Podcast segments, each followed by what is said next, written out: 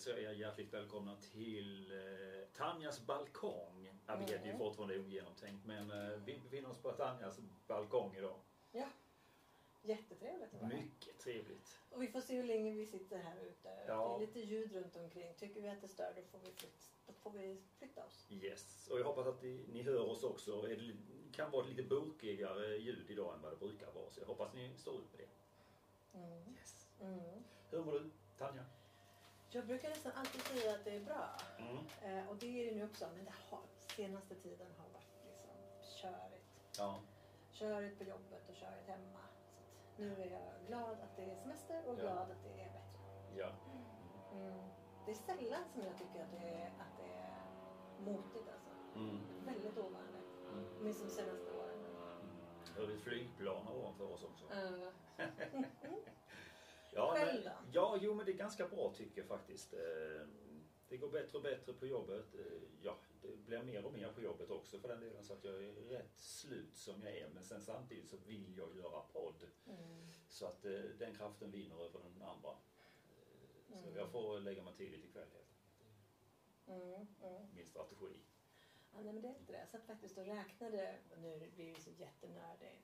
Men jag satt och räknade på, om man listar alla saker som liksom förväntas att man utför en vanlig vecka med att man behöver faktiskt sova, att Mm. hur lång tid tar det liksom att lägga på måltider, både laga, fixa, diska. Precis. Alltså att vi faktiskt behöver sköta kläder, inte bara tvätta Mm. dem utan Mm. också liksom laga hål och putsa skor och ta hand om, om saker. Och Mm. vi behöver motionera. Alltså inte någonting, ingen, ingen lustfyllda grejer utan bara saker som vi behöver göra för att gå runt. Eh, och då konstaterade jag att ja, men vardagar då finns det liksom uppemot tre timmar egen tid. Mm. Fri, fritid att göra vad man själv då väljer. Mm. Eh, om man utgår från en 40 timmars arbete. Mm. Och eh, på helgen då så har man ju fort- 14 timmar per dag. Och det Mm. låter ju liksom ganska mycket. Eh, men då bygger ju det på att eh, man inte har barn, att man kanske inte har några andra intressen, inte har bil och så vidare. Och så vidare. Ja. Och jag menar, har man barn så kan man ju lägga oändligt med tid. Mm. Då räcker det absolut inte till. Men ja, det där intresserar mig lite. Mm. Just med hur får man, hur får man balans liksom i livet med Mm. återhämtning, jobb och liksom Mm. livet. Ja, jag funderar ju jättemycket på det. Mm. Eh, För jag har ju aldrig jobbat på det här sättet som jag gör nu. Har du haft friare? Jag har haft mycket friare jobb tidigare. Dels då jobbat mindre men också när jag var fast anställd på Operan då till exempel. Så, så jobbar man ju dagtid och kvällstid ju. Mm. Ungefär nio pass i veckan. Wow. Så det, det blev liksom väldigt annorlunda. Och sen så hade vi då tio veckors semester. Ja. Så att det var också väldigt annorlunda. Jag var inte så förtjust i att ha semester på sommaren, vilket jag fortfarande inte är. Utan jag vill ju vara ledig på vintern. Mm. Det är ju då jag behöver komma iväg och sådär. Så att, eh, jag har bett om semester här nu till januari så får vi se. Men jag har en veckas semester just nu också. Mm. Eh, Så vi får Ja, men se. jag kan hålla med. Jag, är- tar, jag, tar, jag tar fyra veckor på sommaren. Ja, Men jag tar ju inte mer än så. Det är många som liksom klämmer in liksom extra om man tar ut kanske någon dag som man har jobbat in och sådär. Och Mm. man har sex eller till och med ännu längre. mm, mm. Ehm, och då tycker jag det är bättre att ta lite mer, lite mer, lite längre på julen. Mm, mm. Mm. Eller en vintervecka som du säger. Ja, precis. Ja. Nej, men det är en återkommande. ja. Bara kolla så att den verkligen är igång. Hallå?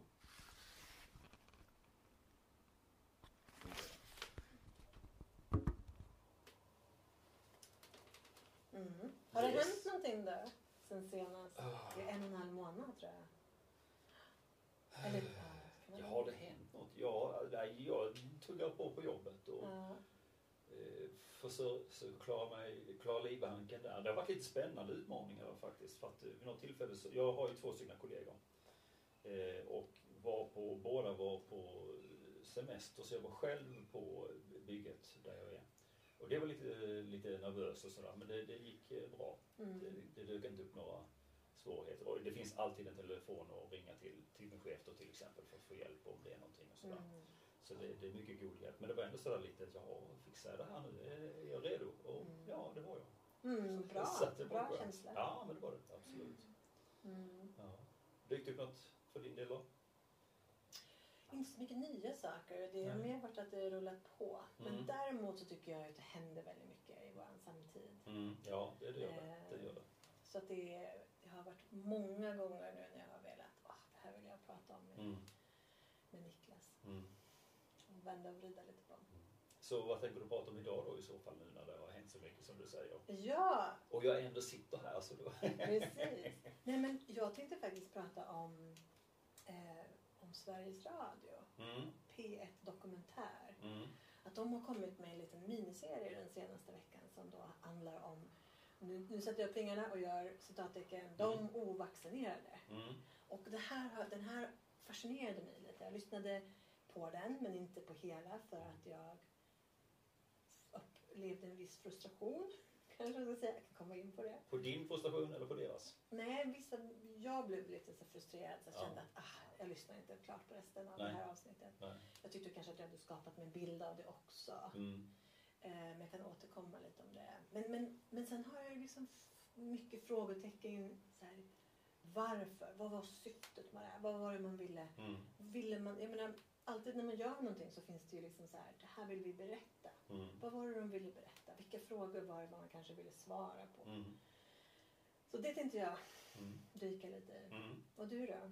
Ja, det är väl lite huller om buller höll jag på att säga. Jag är inte sådär super eh, förberedd så. Men då kanske jag ska börja då? Ja, men precis. Ja, men sen, sen har jag lite som jag vill komplettera till vad du har sagt eh, tidigare och sådär. Och bara bolla med det och eh, ja, nej, men lite smått och gott. Så Mm. Lite Greta Thunberg kommer in på också. Vi kommer ju gärna in på Greta Ja, vi gör ju Och det är ju för att hon är liksom en, det är ju en, en eh, samtidsperson. Ja, för att jag, jag fortsatte att tänka på Jag vet inte om, om jag hade köpt boken sist. Jo. Det, det hade jag, ja, precis. Mm. Jag tänkte jag skulle bara Men ta har du den och... med dig också? Jag har den med mig också. Ja, ja, och men jag tänkte det bara vi skulle göra lite... Jag tänkte läsa lite och så bara diskuterar vi kring det. För jag började se liksom vissa mönster där. Jag har ju tidigare pratat om hjältemyten och sådär. Hur Mm. man blir en hjälte. Och jag tänkte vi tar, tittar på texterna i boken och så ser vi hur har hjälten skapats här och, och så. Mm. Eh, Det tycker jag, det, det, ja, det kastade annat ljus över den här. För min del det är jag intressant. tittade i den. Ja. Mm. Ja, Men- men ska vi ta, börja med Jag börjar lite med. Sveriges Radio? Ja, Sveriges Radio. Ehm, jo, nej, men det här är då alltså en eh, miniserie som har kommit från P1 Dokumentär ehm, nu under juli och den heter Ovaccinerad. Och då, eh, finns, då har den kommit tre avsnitt. Så den har liksom tre fokus. Mm. Första avsnittet eh, handlar om aktivister. Mm. Andra avsnittet handlar om de tveksamma. Mm. Och tredje avsnittet så har de kallat det, titeln för det är sjuksköterskan som kände sig pressad att Mm. vaccinera sig. Så då tittar de på sjukvårdspersonal som var tveksamma till att vaccinera sig. Så egentligen tveksamma där också, fast Mm. då inom sjukvården. Mm. Eh, och här var det då i det första avsnittet med aktivister. Då har de egentligen, egentligen handlade avsnittet, så långt som jag lyssnade, jag lyssnade ungefär två tre- tredjedelar. Mm. Men då handlar det framförallt om då en aktivist som heter Anders Sydborg. Och han är ju lite halvkänd för att vara aktivist. Han har engagerat sig i lite olika frågor. Bland annat så, så åker han runt och mäter elektromagnetism och, och strålning. Och Jag känner igen namnet men jag, jag kan inte riktigt placera honom. Nej, Ja, Nej, ehm, jag, vet, jag vet att jag läste en artikel om honom tror jag i, i Filter för några år sedan och sådär. Men, men det är väl definitivt eh, han har ett engagemang i olika frågor som, som ligger nära konspirationsteorier. Ja, okej. Och de, i avsnittet så, så nämner de också mycket just kring konspirationsteorier. Mm. Eh, och lite, lite blandat, får man säga. Alltså att man, man räknar upp olika konspirationsteorier. Och, och då väldigt högt och lågt. Så att Mm. man pratar om så här, antisemitiska, alltså så här, eh, att det finns en teori om att den antisemitiska, eh, kallar man det, den antisemitiska eliten ska ta över världen. Ehm, det, är, ju- det, är ju en, en konspirationsteori. Alltså det är inte antisemitiska utan en, alltså en judisk konspiration. Mm. Mm. Att eh, de kommer ta över, den judiska eliten kommer ta över världen. Okej. Eh, och det, det är väl en sån lite återkommande och som har funnits i många, många år. Men den ligger ju liksom bakom det är som grunden i till hela förintelsen. Mm. Eh, men sen så finns det ju också som, som andra, jag, menar, jag tror inte de nämnde det, men en klassisk konspirationsteori är ju månlandningen. Mm. Eh, men, men sen finns det ju också i det här, man nämner om, om 5G-masterna, att de skulle liksom sända ut en viss strålning. Mm. Eh, att man skulle få, liksom, när man vaccinerades, att man skulle liksom få ett chip i armen. Eh, som, som för mig kanske låter mer gränsen till liksom nästan lyteskomik. Att Mm. det, är så här, det här är, det, det, det, det känns lite mer, jag, jag tolkar det som lite mer i periferin. Liksom, att det här låter inte särskilt sannolikt ens för att vara en konspirationsteori. Jag kan ju tycka att vissa konspirationsteorier, även om man inte på något sätt tror på dem, så kan jag tycka att det, är, det finns en viss, underhållningsvärde om inte Absolut, annat. det är väldigt fascinerande att tänka i de banorna. Ja, hur de motiverar dem. Att man säger så här med månlandningen, liksom, att Mm. flaggan rör sig och det är ingen vind på månen och liksom, om man skulle kunna spela det här lång baklänges och så här. Mm. Eh, vilket är ju... Jag kan ju tycka att det är kittlande att säga att, man hade fejkat hela månlandningen. Mm. Ehm, Jag såg ett program om just månlandning Ja. där de svarade emot konspirationerna. Mm. jag tycker de gav väldigt bra svar faktiskt. Ja, ja, att, du eh, ser. Ja, Ja. Så, att, eh, Så den är du inte så orolig för? Jag, jag vet inte. jag var inte där. Så att, så kan jag inte vittna om det ändå. Så att, eh, ja, nej, jag vet inte vad jag ska tro. Nej, men jag tror väl kanske att de har... Nej, jag vet faktiskt inte. Ja. Inte nu när jag tänker på det så. Nej, jag, jag tänker att de har landat men jag, Ja. jag, jag ser ju inget så här... Det, som sagt, det är ju... Det är klart att man får vara liksom så här...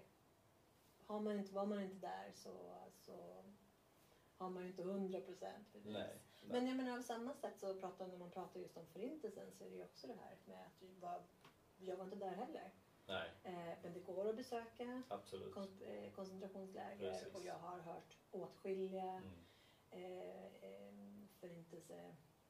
förintelseöverlevare Mm. som berättar sina historier och Ja, sådär. just Så det, jag skulle köpa en bok av Viktor Frankl. Mhm. Det är ju psykolog och överlevde, eller var ju psykolog och överlevde förintelsen Mm. och eh, har väldigt mycket bra teorier. Det måste jag komma ihåg att köpa. Mm. Det, det tror jag är väl, väl värt att läsa. Ja, sen skulle jag ju säga att just månlandningen, där finns det ju... Det fanns ju en poäng, det hade ju funnits en poäng med att fejka det. Ja, det hade ju funnits i och med. I och med att de hade den kapplöpningen. kapplöpningen med Ryssland ja. Ja. och Sovjetunionen. Ja, och det, men jag menar, skulle, nu hittar jag bara på i stunden, men jag Mm. menar, man skulle till och med kunna se att det fanns ett värde för Sovjet. Att, man, att, att USA avslutade den. Ja, för då kostar det inte lika mycket. Ja. Ja. Ja, så att det, och jag menar i liv och allt möjligt. Ja. Liksom. Så att det, det, och det är ju inte som att man har försökt att landa igen.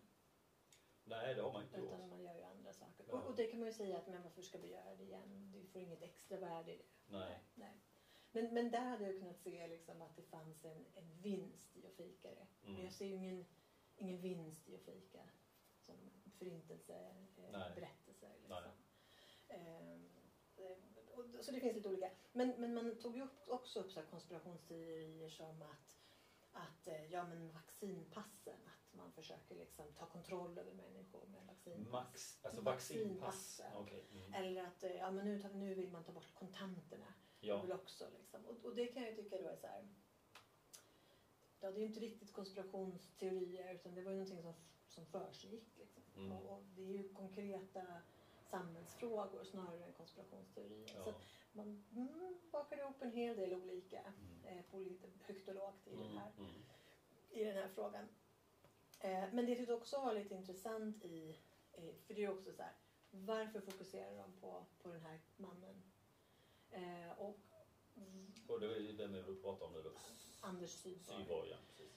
Varför är hans historia eh, Mm. intressant? Hur många, och, och också om jag skulle säga, hur många av människorna som inte vaccinerat sig, för i Sverige hade vi höga tal Mm. på vaccineringen under covid. Det var Mm. ändå runt 80 procent om jag minns rätt. Ja, okej. Mm. som vaccinerade sig. Mm. Eh, så det får man väl ändå säga är ganska höga tal. Speciellt med tanke på att när väl vaccinet fanns så hade vi ju gått igenom den värsta toppen. Alltså många hade redan haft covid och Mm. kanske bedömde att nu är det, jag ser inte det som stor, det är inte pesten. Nej. inte som så stor, som så eh, allvarligt. Och då var det ändå 80 procent som vaccinerade sig, så det är hyggligt högt. Mm. Men jag är ju nyfiken på då, på de här 20 procenten som inte vaccinerade sig.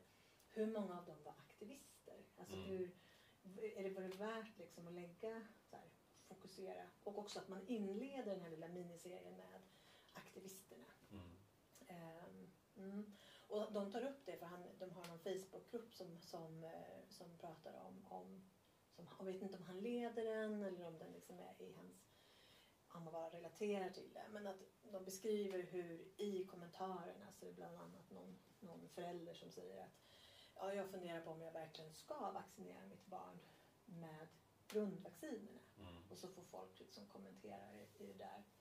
Eh, och då säger han att eh, jag har ju själv tagit alla grundvaccin. Mm. Jag är inte emot vaccin Mm. i allmänhet. Mm. Jag har engagerat mig i det här Mm. eh, covidvaccinet som jag anser eh, inte är bra. Mm. Eh, men jag har inga synpunkter på vilka val andra gör. Ehm, och, och, och det lät ju inte orimligt Mm. på något sätt. Nej. Men det var heller ingen diskussion kring det. Vilket lämnar mig med lite frågetecken. Vad, Vad ville han då? ja, eller vad ville, vad ville reportern? När de, vad, vad, vad, vart, vart någonstans ville de landa liksom, Mm, i, mm. i, genom att presentera aktivisterna Mm. eh, och att de är emot det? Vad, vad, var ville man landa liksom? Mm. Sen del två, då pratar man om eh, eh, de tveksamma. Och Mm. det tänker jag skulle vara en ganska stor grupp. Mm. Egentligen alla då, för alla var ju naturligtvis som inte vaccinerade sig var väl i någon mån tveksamma. Mm. Liksom. Och då intervjuar de en kvinna som då berättar liksom att ja, nej, men hon, hon kände sig fundersam och hon tyckte att det var stort grupptryck och, Mm. och så vidare. Sen lite halvvägs in i programmet så kryper det fram att nej, men hon är ju dessutom häxa. Jaha, oj. Eh, så hon, hon kan ju liksom... Eh, Vem var detta? kommer inte ihåg vad hon Nej, heter. okej. Ja, men, men det, som sagt, det kan man ju gå in och lyssna Ja, men två. Ja. Men hon är häxa. Och där känner jag ju, där fick jag ju känslan av att nu vill man göra den här personen till lite tvivelaktig. Mm. Att det här, det här är någonting som inte är vanligt. Det här, Mm. Hon är inte som vi. Mm. När hon beskriver sig som häxa och hon Mm. kan liksom känna vad djuren upplever och så vidare. Ehm, så att jag fick känslan av att, att här vill man ju liksom gör, sätta någonting tvivelaktigt Mm. över den här personen, Mm. över hennes omdöme. Mm. Eh, och den lyssnade jag inte klart på heller då. Att jag kände att nej, men det här är det här är så udda exempel. Både i det första avsnittet och i det andra avsnittet så kände jag att de här personerna som man lyfter fram då, det är, inte- de är inte representativa. Jag skulle för precis säga. Jag skulle precis säga det. Ja, utan att det, det är liksom lite udda fåglar i sammanhanget. Och Mm. menar, deras historier är naturligtvis också Mm. historier Mm. som man kan berätta. Absolut. Men om man, vad är det man vill i det här sammanhanget? Eh, vad är det, vilken, vart, vart, vart är man på väg? Liksom? Var, Mm. varför lyfter man fram just de här två udda fåglarna och lägger sånt fokus Mm. på just de personerna? Mm. Inte liksom någonting i allmänhet utan just personerna i synnerhet och deras liksom, eh, tankar kring det. Sen gick det ju då till det tredje avsnittet och då handlade det om det här lyssnade jag ju faktiskt då klart till avsnittet för det tyckte jag kanske var lite mer, jag ska inte säga nyanserat, men, men lite mer intressant då när de då intervjuar en kvinna som är sjuksköterska ehm, och hon berättar liksom sin upplevelse. Mm. Eh, och då visade det sig ju att hon var ju inte alls ovaccinerad utan hon var vaccinerad. Mm. Eh, så varför de överhuvudtaget pratade med henne kan man ju ifrågasätta. Mm. Men hon vaccinerade, hon var tveksam till den första sprutan. Mm. Men hon tänkte att eh, jag utgår ifrån att det här är tryggt. Hon, hon kände sig orolig.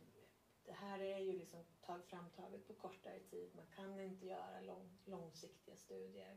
Mm. Men, men det, det är omöjligt. Mm. Eh, men jag utgår ifrån att eftersom att de ger oss det här och det här är rekommendationen så är det tryggt. Mm. Eh, jag kan lita på det här. Mm. Och hon fick AstraZeneca, hon var ju AstraZeneca-vaccinet två dagar efter att hon hade fått sin spruta så drog man tillbaks det vaccinet. Oh. För att de hade haft, de tyckte att det var för hög andel biverkningar. Ja, Och då förlorade ju hon förtroendet. ja, det är klart. Det är klart. Det är inte så orimligt. Nej.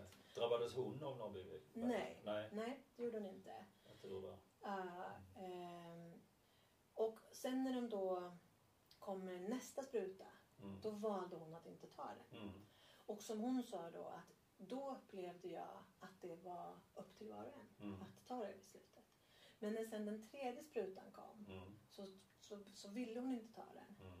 Men hon kände att jag kan inte låta bli. För grupptrycket från samhället är så stort Mm. att eh, i princip om man väljer att inte vaccinera sig så beskrivs man som, nästan som mördare. Hon, Mm. hon sa jag spetsar till det nu. Mm. Liksom. Men, men att man, det, hon, hon tyckte inte att, hon, att det var ett val Nej. utan att hon kände sig tvingad det. Så hon hade ju alltså då eh, tagit första och tredje Mm. dosen. Ehm, men tas då upp som ett exempel i det här ovaccinerade Mm. berättelsen om de som inte vaccinerar sig. Mm. Vilket jag också då tycker är ett stort frågetecken. För jag tänker mig, nu tror jag att det var så här att hon hade pratat, reportern hade pratat med ett antal inom sjukvården. Men de ville inte träda fram. Nej. Så att jag tror att anledningen till att den här kvinnan då kunde träda fram, Mm. och nu, nu gissar jag, Mm. men var ju då för att hon faktiskt hade vaccinerat sig. Mm. Ja. Så att hon hade vaccinerat sig och då kunde hon gå ut med, men jag, jag, jag gjorde rätt. Mm. Även om hon då inte tog den andra dosen. Mm. Så att hon var inte hela vägen. Nej. Eh, men hon hade ju ändå fogat sig. Mm. Men att hon tyckte att, att det var fel. Att, och, och då frågar ju då den här reportern att eh, det är forskare och experter som har tagit fram det här, det här vaccinet. Varför vet du bättre än dem? Mm. Eh, och då så sa hon att eh, det gör jag naturligtvis inte. Men jag anser att varje människa ska ha rätt att bestämma själv. Mm. Ehm, och, och återigen, ingen liksom... Reporten ställde ju kritiska frågor till varför man inte skulle vaccinera sig. Mm. Men, men det kom ju liksom inget samtal kring deras argument till ja, men varför, varför har jag inte rätt att låta bli? Mm. Utan de frågorna lämnades mer öppna, Mm. skulle jag säga. Mm. Ehm, och sen då så... För, för här då skulle jag säga, och som jag sa förut, att jag tycker ju att här har man ju valt ut då tre grupper på något sätt Ja. som jag då antar att man tycker representerar människor som inte vaccinerat sig. Mm. Och då undrar jag ju lite i vilken utsträckning gör det? Mm. För jag hade velat lagt till tre avsnitt Mm. till den här serien. Eh, dels då med de som har haft covid. Mm. Mm. Det hade jag tyckt varit en intressant att höra. Mm. För jag föreställer mig att det var ändå ganska många som, som hade gått igenom covid. Mm. Kanske testat eh, positivt på själva, på själva det här lilla näsprovet. Mm. Eller testat positivt på antikroppar efter man har gått igenom covid. Men som kanske konstaterat antingen att eh, det var inte så farligt. Mm. För covid kunde ju se väldigt olika ut. Mm. Vissa blev ju oerhört sjuka. Mm. Och om man blev oerhört sjuk så tänker jag att då kanske man faktiskt känner sig motiverad att, Mm. att vaccinera sig för att man tycker att jag vill inte gå, riskera att gå igenom det igen. Nej. Men om man däremot inte var så sjuk så kanske man tycker att eh, det är för sent Mm. och det, det var inte så farligt och det är inte så sannolikt att jag blir mer sjuk om jag Nej. får igen. Nej. Eh, så det hade jag tyckt varit intressant och, och grävt lite i för Mm. det tänker jag var en, borde ha varit en ganska stor grupp Mm. som redan hade haft covid Mm. när, när vaccinerna väl blev tillgängliga. Och sen hade jag gärna velat att man tittade på de unga. Mm. För det tänker jag också är en väldigt stor grupp. Jag föreställer mig att om, om 80% var vaccinerade så var det i princip 100% om du är över 60. Mm. Där tänker jag mig att det var en väldigt stor andel. Mm. För att också för att man visste att det var så eh, troligt mer sannolikt Mm. eh, att det blir, blir svårt sjuk ju äldre du blev. Mm. Eh, så där föreställer jag mig att väldigt, en väldigt hög andel. Eh, men just de som var under 20 eller som kanske var till och med under 30. Mm. Där det var, om du inte var multisjuk eller sjuk på ett annat sätt så var risken för att bli allvarligt sjuk var ändå ganska låg. Mm. Plus då att om du, och där skulle jag ju säga också att, att bland våra unga, alltså folk under 20, så har ju de en annan erfarenhet av biverkning från vaccin. Mm. På ett sätt som vi inte hade när vi växte upp. Men just att, att det är ändå så pass många som drabbades av narkolepsi Mm. i, i. Svininfluensan. Ja, precis. Så att jag föreställer mig att det ändå är många unga som känner någon som drabbades av en biverkning Mm. från svininfluensan. Och att det skulle ha kunnat spela in. Mm. Eh, så, så det hade jag tyckt varit intressant att Mm. och tittat lite närmare på. Jag hade nog gärna velat ha en biverkningsgrupp också. Ja, Från eh, covid. ja. Eh, det har man ju inte pratat särskilt nej, mycket om. man har inte gjort Hur var, det. var det Blev det någonting biverkningar? av det? Eller inte alls? Med biverkningar? Ja. Jag har inte hört särskilt mycket biverkningar. Nej. Det som jag tyckte var lite intressant, ehm, alltså, jag, jag, jag har ju nämnt förut den här brittiska farbrorn som är sjuksköterska och utbildare inom. Ja. Han var ju väldigt verksam inom, inom covid och blev ju också väldigt lyssnad på. Han har ju sin Youtube-kanal där han sitter och går igenom mycket studier och sådär. Mm. Och han gick nyligen igenom en studie från, som danska forskare hade tagit fram. Mm. Men där de såg att eh, eh, mängden biverkningar eh, är batchrelaterade. Batch är Det är alltså när du, din omgång, din, din sats. din, ja, man samlar. Nej, Nej. utan när du gör, det är lite som om du, om du bakar kakor. Ja, Då gör du en smet ja, och så bakar du ut den. Då är det, Yes. då är det en batch. ja. En okej. sats. Yes. Och om du gör som, eh, som då vaccin, att du Mm. gör en batch, Mm. alltså en omgång av Ja. ett visst vaccin, en viss volym, en viss mängd. Mm.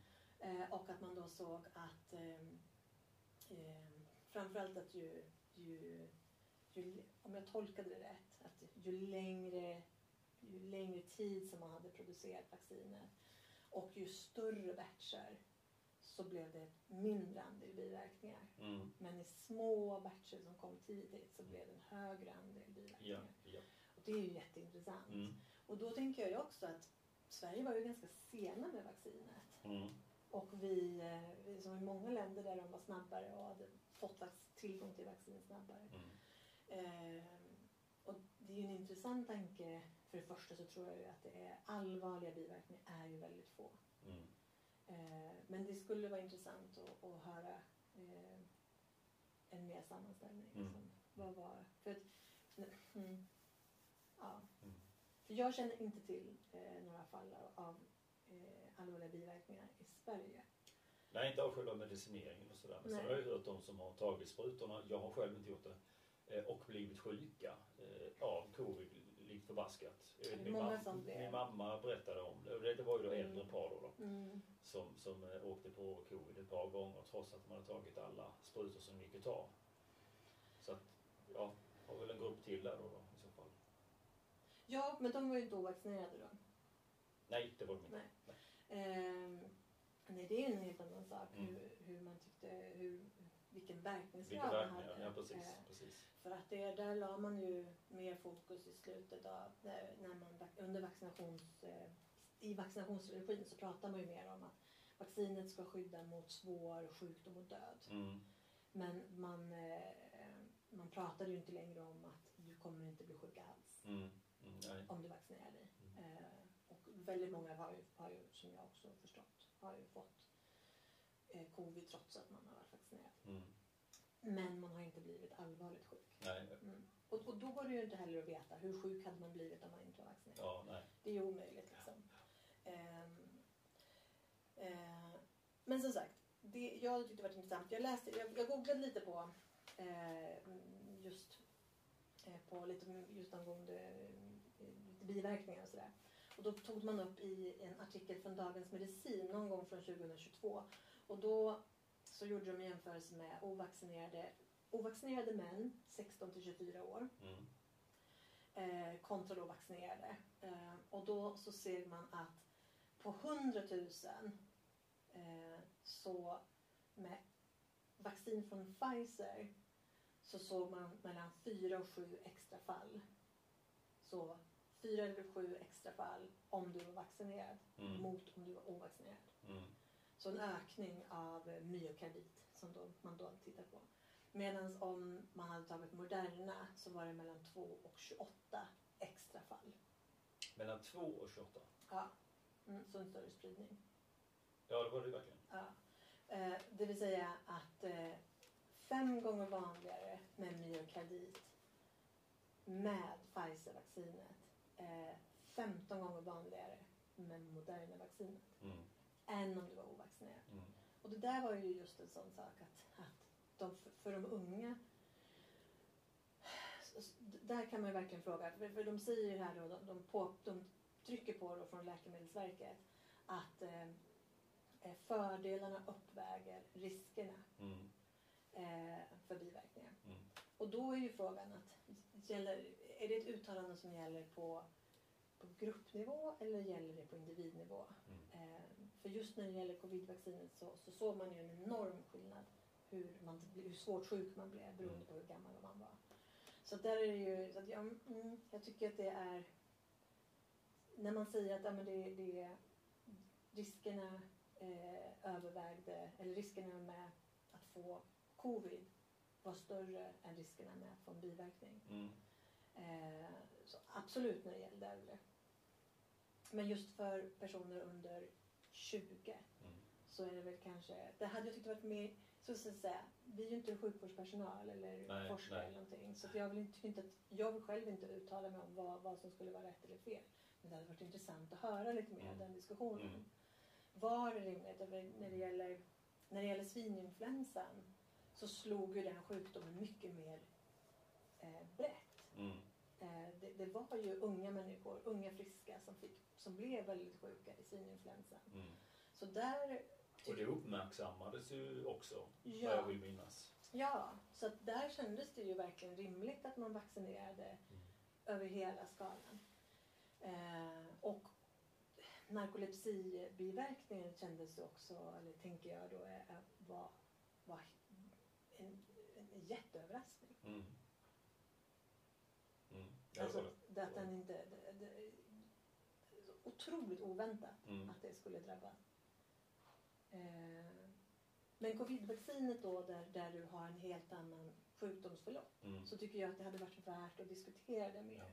Och jag tycker att det är intressant också eftersom att man i Sverige valde att inte vaccinera barn under 12. Mm. Det gjorde man ju i andra länder. Mm. Men man pratade ju inte särskilt mycket om varför vill man inte vaccinera under 12? Mm. Varför gör man en gräns där? För att om, om man då säger, och jag tror att man, man någon, någonstans pratade man naturligtvis om det också, men där, där tror jag ändå man sa att eh, ja, men där anser vi inte att eh, nyttan är större än risken. Mm. Hur stor skillnad var det då mellan 12 och 18? Mm. För jag tycker ju att det är väsentligt just när man pratar om att vaccinera barn för att de får inte ta beslutet själva. Eh, utan någon måste ta beslutet åt dem. Ja. Och då är ju det... Ja, jag jag tycker att det då, då, då är det ju extra viktigt Mm. att man känner sig trygg i det. Mm. Har man tittat någonting på eh, det här ryska medlet och Sputnik? Det, det, har, det tror man har gjort i olika Jag studier. tänkte, för nu var det Mm. Moderna, det var Pfizer. Ja, och det var ju, de tog upp det i den här Ja, artikeln. ja. För det hade ju också varit lite intressant att se och Mm. höra om, Mm. tänker jag. Mm. Ja. Överhuvudtaget så skulle jag ju önska, för jag tycker ju att i hela den här coronastrategin så får man ju liksom ha förståelse för att man satt inte på facit Nej. under tiden utan man var tvungen att ta beslut. Mm. Eh, och man var tvungen att göra re- olika rekommendationer. Och man, man, man, man, man gjorde naturligtvis besluten utifrån det underlag man hade. Samma Mm. sak med svininfluensa. Mm. Hade man vetat om att, eh, att det skulle kunna ske så hade man naturligtvis kunnat gjort ett annat beslut. Ja, ja. Eh, men nu visste man inte det. Mm. Eh, så att man får ju liksom, det, är ju alltid lättare när man väl i efterhand sitter med facit och säger att ja, nu, så nu, nu kan vi utvärdera. Men jag tycker ju ändå att man borde göra det i Mm, större, ut, mm. i större, utsträckning. Alltså vad blev resultatet i det de hade ju ganska nyligen en artikel i Fokus Mm. där de just pratade om att, att den svenska strategin, där man inte stängde ner samhället, har visat sig vara väldigt gynnsam Mm. i jämförelse med många andra länder där Mm. man har en hög överdödlighet idag Mm. som man inte riktigt kan förklara. Mm. Eh, men som man då som naturligtvis kan ha att göra med att folk missade sina cancerdiagnoser och sjuk, ah, olika sjukdomsdiagnoser så Ja, att man dör i andra saker Just för att man fick inte behandling i tid. Och mental ohälsa och Mm, ja. det är som många sådana faktorer. Så att jag tycker ju att, jag tror ju att, att eh, på det stora hela så, så, så gjorde Sverige, hade Sverige liksom en, en fungerande strategi. Mm. Men jag tycker ju liksom att, jag, så jag vill ju se det här, vi pratade om det förra gången också, vi vill se det liksom de här torra diskussionerna Mm.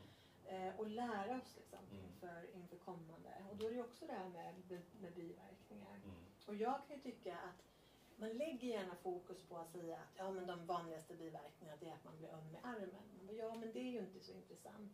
Men det som är intressant, det är ju just om man pratar liksom om, om man pratar om att det är, säger att en person på 100 000 drabbas av en allvarlig biverkning. Mm. Ja, men vaccinerar du 10 miljoner, Mm. då blir det, då blir det ett antal. Mm. Och som kanske till och med dör på grund av en vaccinationsbiverkning. Det är inte intressant om någon fick en öm, om det var så här, två miljoner fick en öm arm. Ja, Mm. men det spelar ingen roll. Men tio personer Men det hade varit dog. lite kul att läsa om det ändå tycker jag. Det skulle vara så ovanligt.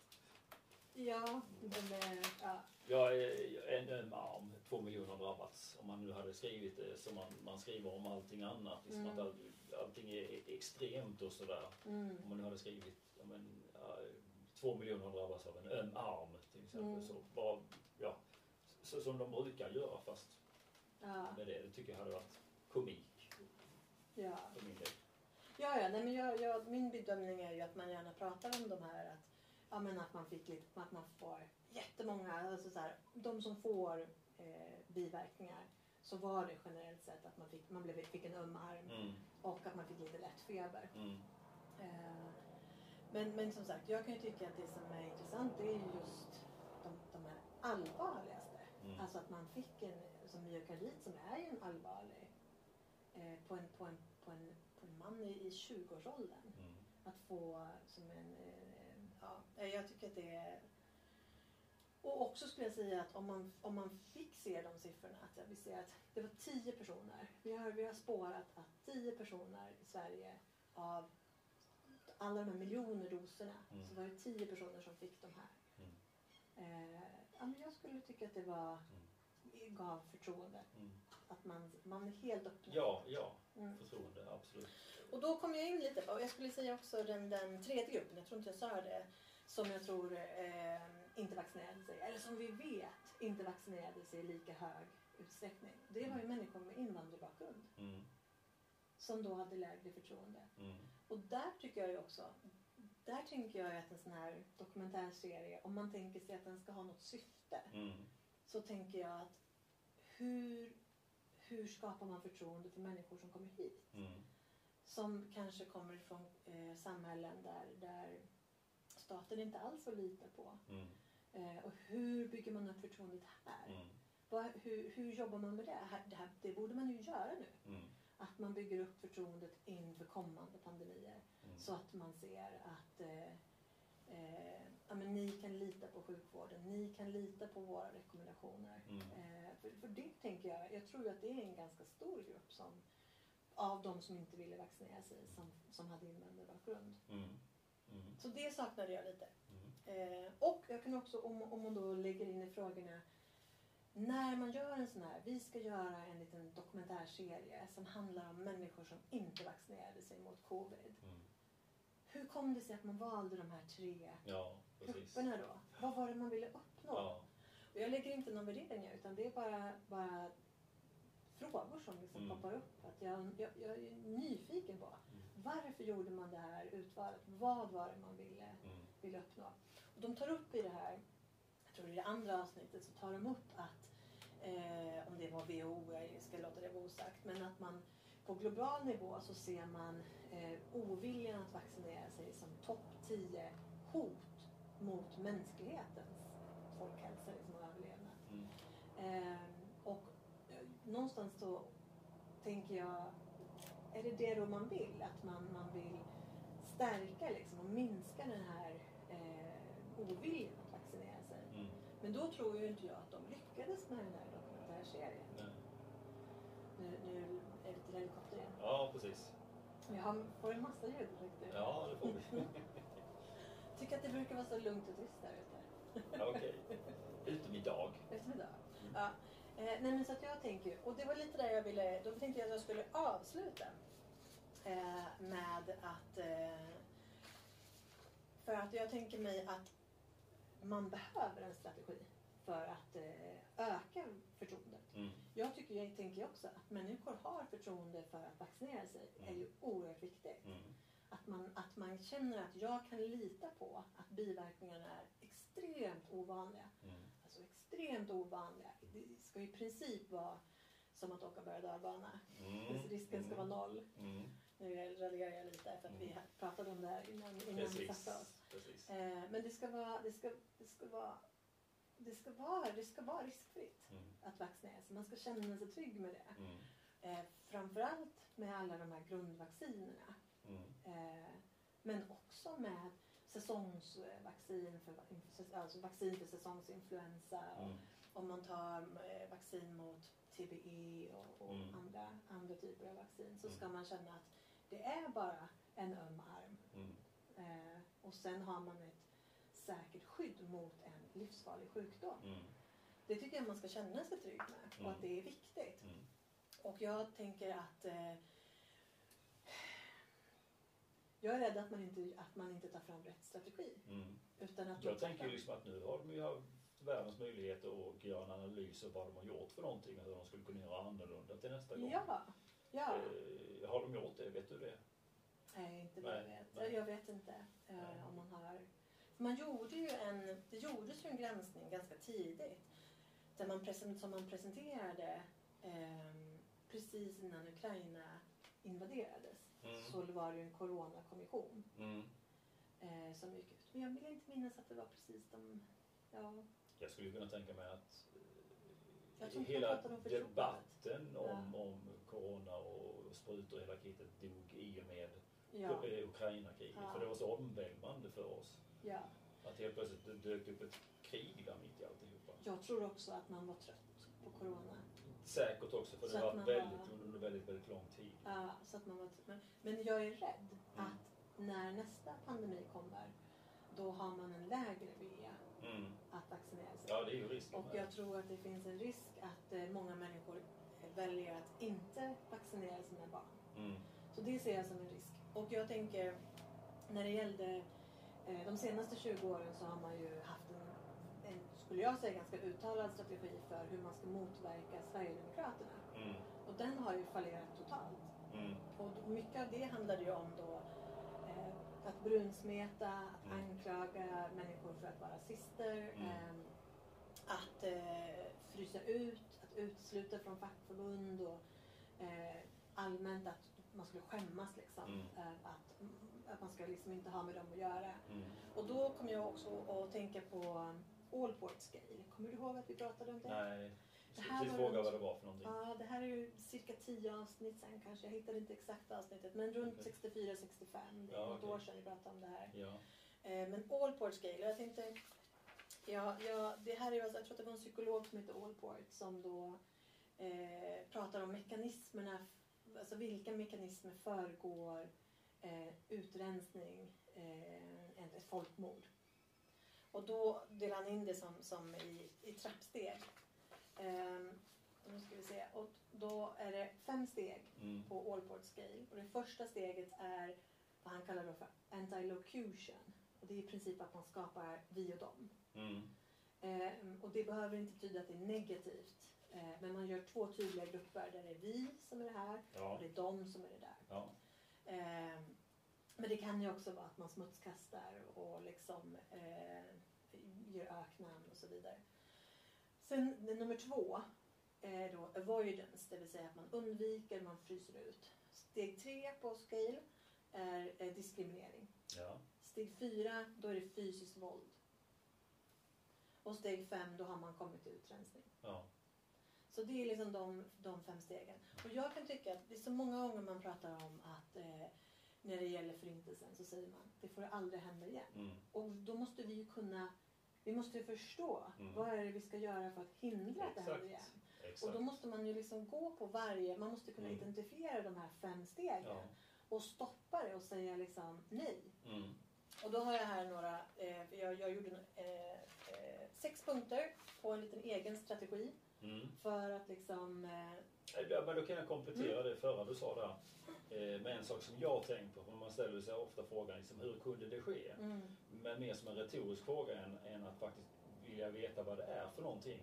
Men om man bara tar det att forsla en person från hemmet till koncentrationslägret. mm, Det krävde en mängd med människor. Det var liksom inte ja, Alltså det var en polis som gick in i lägenheten, plockade ut mannen på gatan. På gatan var det några andra som tog över och lastade upp på lastbilar. Där andra tog över och körde till, till eh, eh, eh, tågvagnarna. Där andra tog över och körde in Mm. dem. Där en annan stängde eh, eh, dörren och, och sen forslas till Auschwitz eller vad det Mm. var för någonstans. Att det, det är uppdelat i så små steg mm, så att varje person inte ska känna så mycket samvete, dåligt samvete. För att hade en person följt dem ända in till döden så att säga, då hade den personen mått väldigt dåligt. Och det var ju också därför som man, man är det sagt i alla fall, jag, jag vet inte, mm, så skapar man gaskamrarna istället för att arkebusera. mm. För att det känns mer att skjuta en person än att man inte ser personen dö när man slänger ner den här eh, gasbehållaren i, i eh, luft, trumman där, eh, luftkonditioneringstrumman där Mm. till, till eh, duscharna. Ja, behövde, ja. Så, så att det, det är också en sån sak som man, man behöver tänka på. Liksom, att det är också en sak som gör att man kan klara av att göra Mm. sådana utrensningar som man gjorde. Ja. Oh, jag blir upprörd när jag tänker på Ja, det. det, det Men jag menar, utrensningen kan ju också se ut som det du gjorde i Rwanda. ja, det, ja man, det, eh, just det, du har läst om det där. Ja, just Ja, det. det. Vi pratade om det. Du Ja. läst en bok? Ja, och där, jag, jag tycker ju att det är... För det första så tycker jag ju att det var en kunskapslucka som jag hade. Mm. Och också mycket har. Det är inte så, så inläst jag inte i det heller. Men jag Nej. läste ju Antilopernas list. Mm. eh, skriven av en fransk författare. Där han intervjuar eh, överlevande och också mördarna Mm. eh, i det här. För det man ändå gjorde var ju att du, du äggade upp folk till, Mm. en, till en grad Mm. att de gick ut och högg ihjäl varandra med machete. Mm. Alltså det var ju en ren slakt. Mm. Och som också, också eh, de gick klockan, liksom i princip liksom, fabrikstider. Mm. Att eh, för, för tutsierna eh, gömde sig, framförallt var det på något träskområde och något skogsområde där, där man gömde sig. Och då var det ju att på morgonen så, så samlade kulturen ihop sig, gick på liksom led ut till liksom arbetet i princip, macheten över axeln. Och sen så jagade man tutsierna under dagen. Och sen, ja, nej men nu är det dags att plocka ihop. Då Ja, okej. då gick de hem. Och sen nästa dag så började samma sak. Det är ju som ett krig för ett par hundra år sedan när man samlades på ett fält och så bara sköt man tills folk Ja. dog. Liksom. Ja, men just att man säger att klockan åtta då börjar vi, klockan Ja, fem exakt, då, exakt. då bryter vi för dagen. Liksom. Så, och samtidigt som man då att, ja men där var det ju inte Jag har, en mobil, jag har en mobil fråga. Mm. Hade de lunchpaus? Ja, men det kan det Det, det, lät ju nästan så. Ja, Ja. Men det, är nog mycket, det var nog mycket droger också. De det kan jag mycket väl tänka. Det, är, det säger man väl om, om eh, självmordsbombarna och sådär. Ja. Att, att kring dem så hittar man ju eh, sprutor, heroin. Ja. För att klara av att göra det överhuvudtaget. Mm. Det är det som också är intressant som du säger med, med förintelsen. Att där hittat, man skapade ju en struktur Mm. för att eh, då inte behöva Känna, Ja, utan att du gjorde bara en liten, liten Ja. pusselbit. precis. Och då kunde man också skala upp liksom, det här till en Ja, enorma man Verkligen, verkligen. Och det är ju otäckt. Men jag tycker att man ska, man, man ska förstå Mm. eh, all board scale. Man, jag tycker att man ska också kanske komma ihåg att även om man själv bara deltar i de första två stegen, att man, Mm. man skulle aldrig gå över till våld till exempel. Mm. Men det finns andra som Mm. är beredda att göra det. Mm. Så att om man, om man driver på själv på ettan, tvåan, Mm. då finns det andra som tar vid på andra. Så Ja. jag tror ju att man måste... Det här är bra att känna till Ja. och att försöka motverka det man kan. Mm. ja, jag skrev upp Allport Scale här för den vill jag titta lite mer på själv. Jo, Eh, så då kommer Intressant. ihåg det. Och då Mm. tänker jag ju då, så att här har jag ju då lite min strategi för att, som jag tror skulle kunna hjälpa till för att öka förtroendet. Eh, och då är steg ett att man inte använder öknamn. Eh, Ja, eh, ja. Och att antivaxare, Mm. det kan låta liksom lite klatschigt. Mm. Men, men man, är, alltså man är inte mot vaccin för att man tar ett beslut om ett visst vaccin. Nej. Och det borde kanske inte klassas på det sättet. Nej. Och, och att Nej. kalla någon för ja du är en antivaxare. Mm. Det får inte med dig människor. Du kommer inte få dem med på tåget. Det du vill är ju att ha med dem Ja. på vaccintåget. Ja. Och då, måste, då, då, då, då funkar inte ökning. Nej. Nej. Och det Som sagt, upplever vi ett krav så vill vi inte. Nej, nej men Så. det är precis det går tillbaka till dem. Ja, för jag skulle ju inte kunna... Jag tycker det skulle kännas konstigt att bli kallad för antivaxxare för att jag inte har tagit just det vaccinet. Alla andra har jag tagit. Mm. Åker jag till Sydamerika så tar jag ju vad som finns där. Ja, och be- behövs också Ja. dess, dessutom. Så att eh, det, ja, det skulle kännas konstigt. Ja, sen, sen finns det ju människor som är motståndare till vaccin. Också. eh, Som är på riktigt. Mm. Och jag tycker att man kanske inte ska kalla dem heller för. Nej. För min bild av den här dokumentärserien var ju just att man ville skapa, man, man skapade vi och dem. Mm. De där konstiga Mm. eh, aktivisterna Mm. eller häxorna. Mm. Eh, de är inte som vi. Eh, och jag, ja, Det fanns ju ett program på SVT Play som handlade om just det. Det var någon eh, finsk tjej, kvinna som eh, var så att säga enligt, ja som inte ville ha vacciner och var väldigt skeptisk och kritisk överlag till Mm. vacciner och sådär. Eh, och hon blir då wallraffad utav eh, SVT och sådär. Mm. Eh, det gick ju faktiskt upp till rätten i, i civilrätten mm. och hon fick rätt. Att det blev förtal, förtal, av henne. Ja, ja. Så att, eh, ja, så.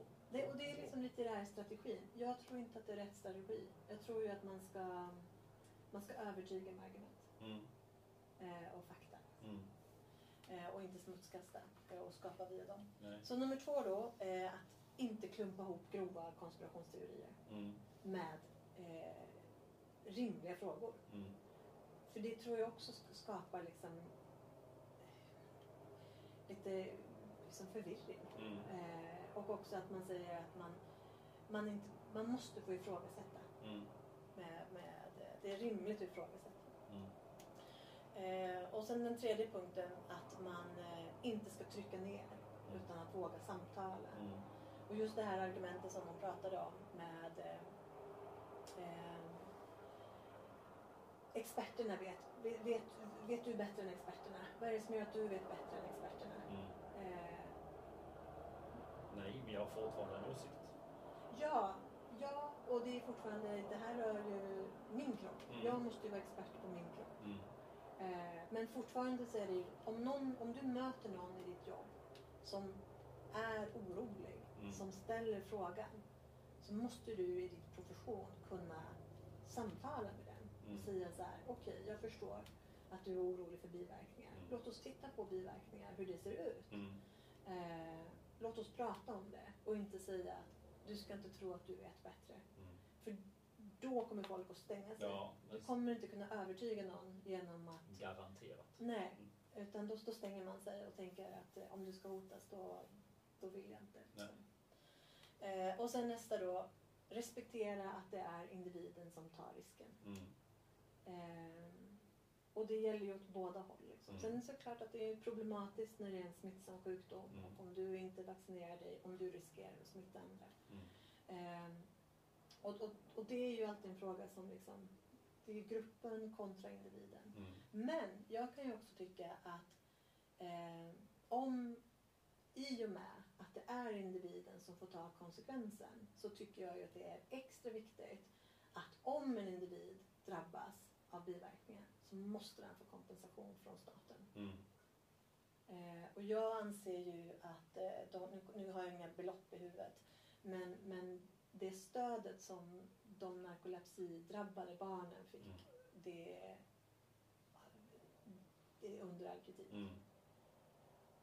Jag tycker ofta är så på det viset här i Sverige att, att stödet är väldigt dåligt. Eh, Jag såg någon eh, dokumentär om, om barn hade plågats i här barnhem förr i tiden. Just det. Mm. Eh, och eh, vad hette han? Eddie Meduza tror jag hade varit med där. Och Bengt Sänd också. Okej. Eh, jag tror Bengt Sänd och hans bror tog livet av sig på grund av det här. Mm.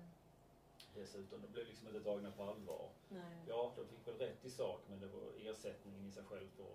Där gjorde man, ja, och där gjorde man ju också en, en gräns att eh, endast de som då hade blivit barnhemsplacerade för en viss, med en viss period eh, Mm. blev erkända. Så att om det, jag kommer inte ihåg vilket datum, men säg att det var alla före 1980. Mm. Där fick man ett erkännande och kanske en viss ersättning men, och en ursäkt. Men, eh, Mm. men det är fruktansvärda, Mm. fruktansvärda upplevelser som... Eh, ja, jag vet att jag läste en artikel för några år sedan, också det, i tidningen Filter. Mm. Och jag fick pausa i läsandet. Ja. Och, och verkligen, alltså jag tror att jag grät efter. Ja. För det var, det var så oerhört grovt Ja. som de utsattes för.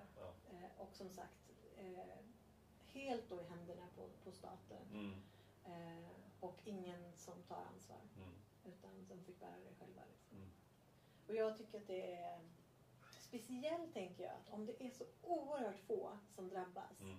I då, om man då pratar om ett vaccin, att det är en handfull människor Mm. som drabbas av ett svårt, en svår biverkning. Då, då ser jag liksom inte varför de inte ska få en ordentlig kompensation Mm. som gör att deras liv blir drägligt. Mm. Precis. Jag kan liksom inte, jag kan inte förstå det. Och jag tror ju också, som sagt, jag tror ju att det ökar förtroendet om man är tydlig. Mm. Av de här så var det och så här många som drabbades som vi, som vi, som vi, tror, som, som vi har stärkt att det, här var, det var på Mm. grund av vaccinet. Mm. Att man inte döljer någonting. Mm. Och de har fått, de får den hjälpen som vi kan ge. Mm. Det tror jag skulle öka Mm. förtroendet. Absolut. Ja. Eh, och sen skulle jag säga då att one size does not fit all. Mm, att, eh, jag tror att det man gjorde under covid-strategin som jag tror var fel var att man sa att alla ska ha samma. Mm. Eh, jag, jag vet att jag lyssnade på Agnes Wold till exempel som tyckte att, att eh, när det gällde och, och jag menar hon är ju inte hon är ju absolut inte att hon har rätt eller fel. Utan, men, men en stark röst under covid, Mm. eh, covid-pandemin. Men jag kommer ihåg att hon nämnde att de som redan har haft eh, sjukdomen, det kanske räcker med en dos eh, av det här för att liksom boosta immunförsvaret. Mm. Och, jag kan, och liksom, men de som var äldre, om äldre var högre, då kanske det var den strategin som man hade med antalet doser var väl då kanske rimligare för de allra äldsta. Men kanske inte lika mycket för de som var yngre. Mm. Att man hade delat upp, att man hade kunnat prata om att, att om du är, om du har de här riskfaktorerna, om du är överviktig, om du har sämre hälsa. Alltså att kunna prata om. Eh, så då, då, har vi, då rekommenderar vi olika saker. Mm. Mm. Eh, om du var sjuk i covid och har det svart på vitt, Mm. inte bara att man tror. För det tror jag också var en sån sak man var orolig för, att man vill inte ge olika, olika råd. För Nej. att om någon då säger att "Ja, men jag hade nog covid, så Mm. det var nog lugnt. Eh, men jag tror att det är bättre att ha eh, riktade, eh, Mm. riktade råd. Mm. Speciellt en sån här, om man då, för att om det istället var som man under, som, som vi sa under svininfluensan, när det slog liksom lite mer brett över befolkningen. Mm. Menar, då är det ju en sak och då kan man prata om det istället. Att här ger vi samma rekommendation till alla. I och med att det vi ser är att friska unga drabbas i lika utsträckning som äldre eller multisjuka. Mm. Ehm, och den sista punkten jag hade var att man, att man justerar vilken åtgärd man, man ger utifrån vilket hot. Mm. Ehm, och där jag tänker att hade, hade det varit pesten Mm. då hade fler eh, garanterat vaccinerat sig. Mm. Eh, men, men här när vaccinet blev tillgängligt så var det ju trots allt, och vi säga att ändå väldigt många, vi hade en väldigt hög andel som vaccinerade sig i Sverige. Mm. Eh, men när det hade kommit, då hade vi ju redan haft det allra värsta av, av covid. Mm. Eh, så att man kan ju liksom diskutera. Mm. Ja, och som sagt. Eh, jag tycker ju att det viktigaste i den här frågan det är att människor har ett högt förtroende för vaccinen som ges. Mm. Eh, men att vi har grundvaccin Mm. Och sen har man vaccin som eh, är eh, situationsberoende. Mm. Och då måste man göra en egen bedömning Mm. om vilken nytta har det här för mig. Mm. Och så en pandemi såklart Mm. eh, är ju en speciell situation. Ja, det blir ju en väldigt speciell situation. Ja, nej, men ska jag få vad jag tänkte? Ja, Nu funderar jag på om vi ska pausa och flytta in. ja den där eh, helikoptern hovrar irriterat. Ja. Så, nu sitter vi lite tystare. Ja, Mm. vad tyst det var helt Ja, plötsligt. det blev jättetyst. Ja, nej, jag, tänkte, jag tänkte bara avsluta med att säga jag tror ju att eh, Allport Scale är någonting. För det första skulle jag ju tycka att det var no någonting att ta upp i Mm. Skolor, arbetsplatser och så vidare. Mm. Eh, för jag ser ju en risk och jag ser också risk i samhället på liksom lite andra frågor. Mm. Eh, där jag tänker att, och inte minst nu den senaste tiden när vi har haft koranbränningar, Mm. att det skapas ett vi och dem. Ja. Eh, ehm, och någonting som jag återkommande hör, det är ju det här, eh, nej men om, inte yt- om ni inte vill ha yttrandefrihet, varför bor ni i Sverige då? Då Mm. kan ni väl flytta någon annanstans. Mm. Det vill säga man skapar det här, eh, ja ni är en annan grupp. Mm. Ni som inte gillar liksom, Mm. yttrandefrihet. Mm. Eh, ni som tycker att det är okej att bränna Koranen. Liksom. Mm. Och jag tänker att man måste motverka det där. Man måste Mm. samtala. Liksom. Mm. Vad är det som gör att vi vill ha de här frågorna? Vi ska vara liksom, jag menar vi kommer ju aldrig vara homogent. Men minska de här, inte stärka liksom Nej, de precis. tänkandet. Eh, och jag, jag tycker det är tillämpbart på, på så många områden. Att man är, eh, ja, är medveten om Mm. eh, anti-locution, att man skapar vi och dem, Mm. att man eh, undviker, att man diskriminerar. Sen kommer våldet Mm. och sen kommer utrensningen. Mm. Att man förstår det, att de här första stegen, Mm. det är där man måste bromsa det liksom, Mm. innan, innan det andra. Och det är kanske inte du som tar till våld, men, men någon annan gör Men man det. kanske stöttar det på ett annat sätt. Ja, och det Mm. finns en massa galningar liksom där ute som är, och mindre galna som bara är våldsbenägna. Men som tycker att eh, vi är de goda, de är de onda Mm. eh, och jag gör bara mitt jobb Mm. i eh, det godas namn. Liksom. Och tar till våld. Mm. Så att ja, det, det finns lite där. Mm. Men nu tänkte jag lämna över till ja. K- Kan vi uttala hans namn lite långsammare? Allport. Allport. Är det Ja. A-L-L? Ja, jag tror det. A-L-L-P-O-R-T. Ja. Ja, okej. Mm. Ja. Ja, nej, jag tycker att det är intressant att ja, veta. och det är en sån förenkling. Eller det är det är en väldigt enkel trappa. Ja, liksom. ja. ja, men sånt gillar jag. Jag Ja. gillar ju Maslows behovstrappa så att eh, Mm. Och jag tycker det är väldigt användbart. Ja, och jag tycker överhuvudtaget just att förstå varför, vad är det för mekanismer som leder till nästa steg? jag. Ja, Att det går inte bara att prata om att vi ska hindra nazisterna. Nej. Utan man måste hindra eh, de, nästa generations nazister. Mm, mm. Det, det kommer inte komma brunklädda i stövlar liksom. Utan Nej. de kommer komma i någon annan skepnad och då Precis. behöver man kunna känna igen det. ja precis. precis. Mm. Mm. Över till Greta. Ja, över till Greta. Eller ska vi ta... Ja, men vi tar Greta först där. Ja, jag hade ju lite... Ja, annat smått och gott. Jo, jag köpte ju en, en bok eh, då på Designtorget. Mm. Eh, väldigt speciell bok. Små människor, stora drömmar. Greta Thunberg. Skolstrejk för klimatet står det på framsidan. Jag kan säga också vad den kostade. Det var 175 och 96 öre. Alltså Ja. kronor då. Mm. Eh, det var lite rolig, eh, Var på rolig pris. Det var ju- Nej, nej, den, den kostade bara så. Ja, Men just att det var så 96 öre där. Ja, då fick de till det. Ja. Kunde väl avrundat direkt och sådär. Ja. Ja, nej, jag bara funderade lite grann och det är inte så särskilt ehm, ehm, väl förberett sådär. Men jag kommer att tänka på just den här boken och, och när jag har läst ytterst lite i den vad, vad som står och sådär om huruvida den stöds av hjältemyten. Så jag tänkte liksom bara att vi bollar det och jag tänkte, jag letade upp lite grann hjältemyt eh, på nätet där och det har jag haft framme vid tidigare tillfälle då.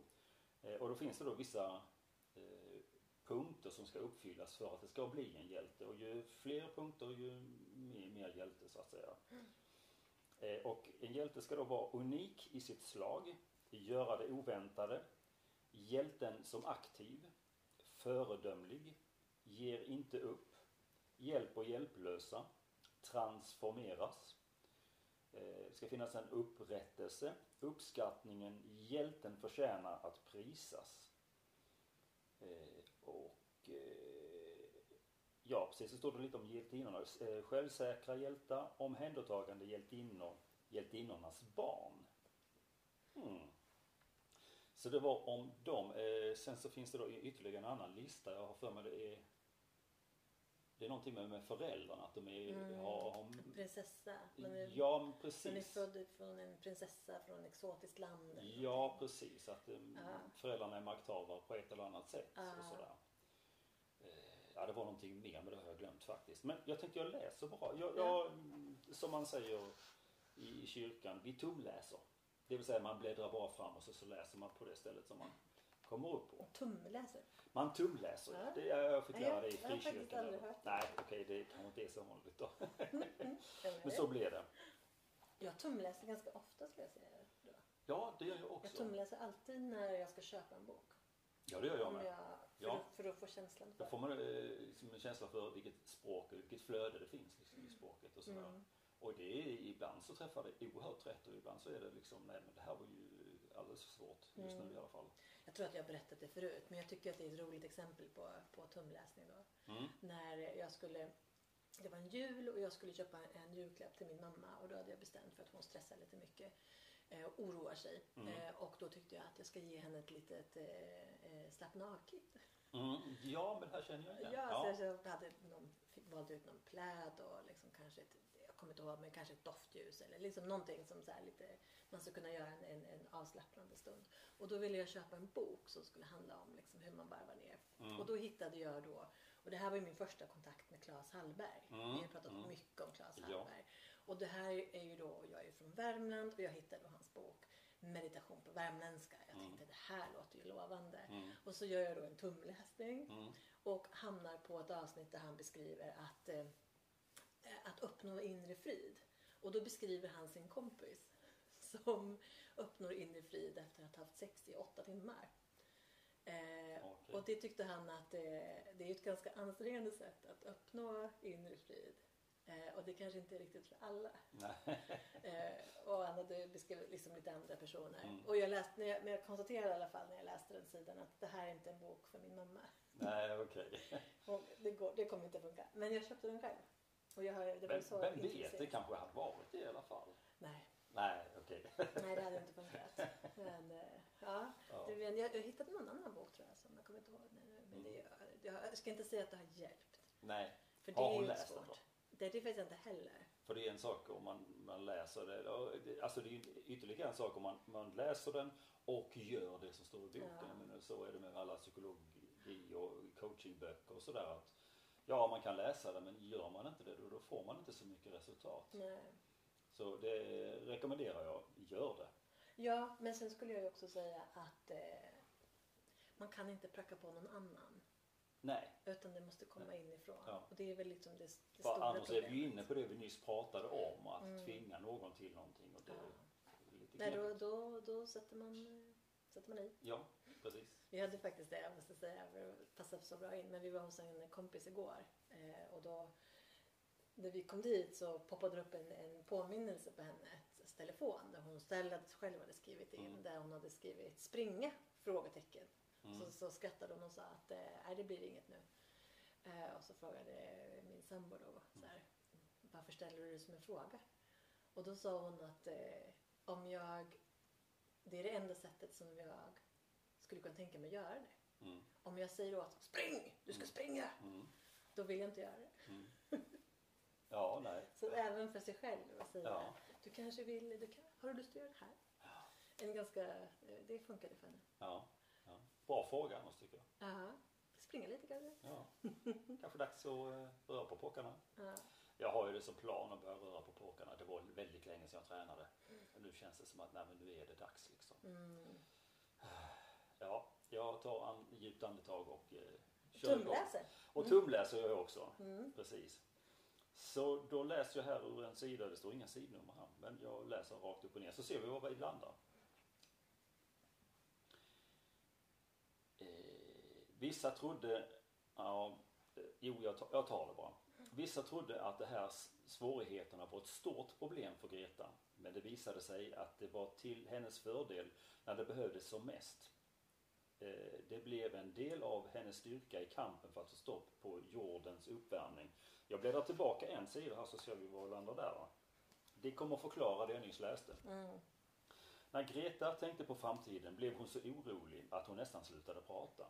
Läkarna förklarade att hon hade Aspergers syndrom och selektiv mutism, vilket innebar att hon bara kunde prata när det var absolut nödvändigt. Ehm, Det här har jag faktiskt läst tidigare. Jag hade ingen aning om att det fanns något som heter selektiv mutism. Mm. Att man bara pratar när det är som absolut nödvändigast. Jag har jobbat mycket inom omsorgen och så men aldrig stött på det här. Jag har läst, Mm.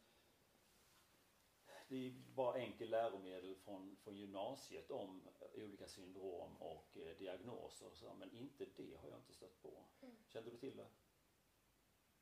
Mutism? Alltså, jag måste ju säga då att det enda som, jag, som, jag, som poppar upp Ja, det är ju i den här tv-serien Big Bang Theory.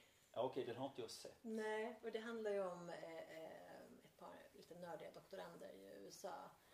Eh, varav en kille är från Indien. Mm. Och han blir då eh, stum när det kommer in en kvinna Mm. i rummet. Då kan inte han prata. Så då, då var det ju selektiv mutism. Jaha, är det Mm. det som är det? Att det då var, men, men det var det enda som jag, som jag kom att tänka Ja. på. Ja, det där har jag också drabbats av. Eller, fast jag har kallat det för tunghäfta då. Ja. Och jag kommer ihåg det när jag var, blev så generad en gång. eh, Jag var på någon liten festlighet och det var, eh, nej det här var söndagsskolan faktiskt. Eh, Massa herrans år sedan. Eh, Och då var jag inne i söndagsskollärarens sons rum. Och sen kom alla tjejerna in där och jag blev så generad så att tårarna bara rann och jag försökte hela tiden titta bort och, och sådär. Mm. Det var, det var en pärs. Mm. Men det här låter ju som lite, lite någonting annat. Lite, Ja, men lite precis. precis. Ja, Mm. men precis. Eh, så, så vad gör henne som hjälte i det här fallet då? Hon blir ju väldigt speciell på grund utav eh, diagnoserna här nu då. då. Ja, här vill man ju använda diagnoserna för att liksom stärka henne. Mm. Ja, precis. Och det, det stärkande, det sa, var ju det jag sa först. Mm. Eh, Vissa trodde att det här var svårigheter och ett stort problem för Greta, men det visade sig att det var en tillgång för henne. Mm. Eh, Så därigenom så blev hon ju hjälte helt enkelt. Sen hade jag nog tyckt det inte var intressant där att säga varför blev det en tillgång. Ja, men då, vi vänder på sidan där direkt då så Ja. ser vi om vi får en svar där. Greta lyckades övertyga sina föräldrar att sluta flyga och sluta äta kött. Hon började också göra många andra saker som var bra för klimatet men hon visste samtidigt att det inte var tillräckligt. Väldigt beskäftigt. Ja, framförallt då, Eh. det är ju, då har man ju kommit fram till att eh, just flyga och äta kött är dåligt för klimatet. Ja, precis. Precis. Eh, Och på sidan kan jag då också se, det är ju en teckning då. Jag gillar stilen på. Det, är På ju, det. är en fin illustrerat. Ja, det är det verkligen. Eh, Och på eh, ett kylskåp med massa lappar på där det står Mm. Köp inget i onödan. Ät mer grönsaker. Plantera fler träd. Återvinn. Ta cykeln. Använd mindre plast. Mm, jo, men det har vi väl hört Mm. tidigare också. Jag kan ju, apropå vi pratade om hjältemyten, jag kan ju säga att eh, flyga var i alla fall aldrig aktuellt i min familj när jag växte upp. Det, det, det, det, var inte, det var inte som någonting som man behövde undvika. Ja, det, det kom aldrig på frågan hemma. Nej, på grund, Jag vet inte på grund av, men det fanns inga pengar till det i alla fall. Mm. Nej, men jag tänker just på liksom att man hade någon mer form av aristokratisk bakgrund nästan. Mm, mm. Att man lever ett liv i... Eh, jag skulle säga att... Ja, om, om flygen som lyxvara som, som eh, ja, som säger nej men vi ska, vi ska avstå från det här. Det, som Mm. sagt, det, det var ingenting som vi, som vi avstod ifrån i min familj. Det var någonting som inte f- existerade. Nej, nej. Eh, och sen just det här med att äta kött, det är ju, jag menar, han tar ju upp det här i eh, Apocalypse Never, Michael Schellenberg. Mm. Jag menar, den större delen av världen så är ju kött också en lyxvara. Det är ju Mm. ingenting som man, eh, som man väljer bort nej. för, för hälsoskäl. Eller liksom. Det är ju tvärtom. Det är någonting som har man möjlighet att äta kött så gör man det av Mm. hälsoskäl. Mm. Så det är ju det är ju tecken på liksom det är, ju- det är ju en, det är en blick från vårt håll. Liksom. Mm. Ja, Mm. jo men precis. Eh, Det var inte jag tänkte säga där men glömde det. Jag satt och bläddrade här samtidigt så det var därför jag kom av mig lite grann. Mm. Eh, Så. Eh, Jo, nej, men jag funderade på, på hjältemyten där. Jag kom på nu att hennes föräldrar var ju väldigt kända också. Eller Mm. är ju väldigt kända. Det är ju Ja. Malena Ernman och jag vet inte vad han heter i förnamn. Ja, vad heter den i Men förnamn vet jag inte. Skådespelare i alla fall. Ja, och hon, hon, hennes, hennes farfar var väl eh, Ja, men- rösten till Bamse. Också skådespelare. Jaha, okej. Ja. Ja, för de har, har väl haft någon nobelpristagare i släkten där också. Jaha. Arrhenius, eller det stod på någon annan sida här. Ska vi se. Eh, Greta fick veta att, att hon är släkt med Svante Arrhenius som blev den första svenska nobelpristagaren när han fick kemipriset 1903. Han var också en av de första som eh, förstod att ökade koldioxidutsläpp leder till global uppvärmning. Oj, oj, oj, vilken cirkel som sluts. Verkligen. Mm. Mm. Ja, det låter ju... Man har verkligen letat febrilt efter... Det låter... Det är min tolkning verkligen letat efter hjältemytelinjen så att säga. Eh, Och sen så berättar... Ja, just det. Och på en sida så berättar de då hur det gick till när hon skolstrejkade. Hon slutade gå till skolan och sen hur det har då eh, spritt sig över hela världen. Första dagen var inte så många som lade märke till Greta, men det bekymrade henne inte. Hon fortsatte med sin strejk varje fredag och för varje gång var det fler och fler elever som gjorde henne sällskap. Snart ville alla barn få de vuxna att vakna. Över hela världen gick tusentals elever ut i skolstrejk för klimatet. Var det det?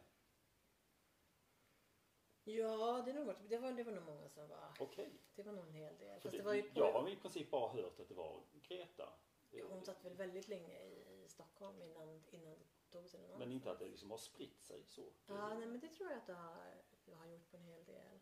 Okej. Men sen tror jag lite, om jag ska vara lite krass, jag vet att jag läste någonstans liksom just om påföljderna av det. För jag menar, det handlar ju trots allt, men även i Sverige så har vi skolplikt. Och Mm. om man skippar i princip 20% av sin skolgång så får ju det konsekvenser Mm.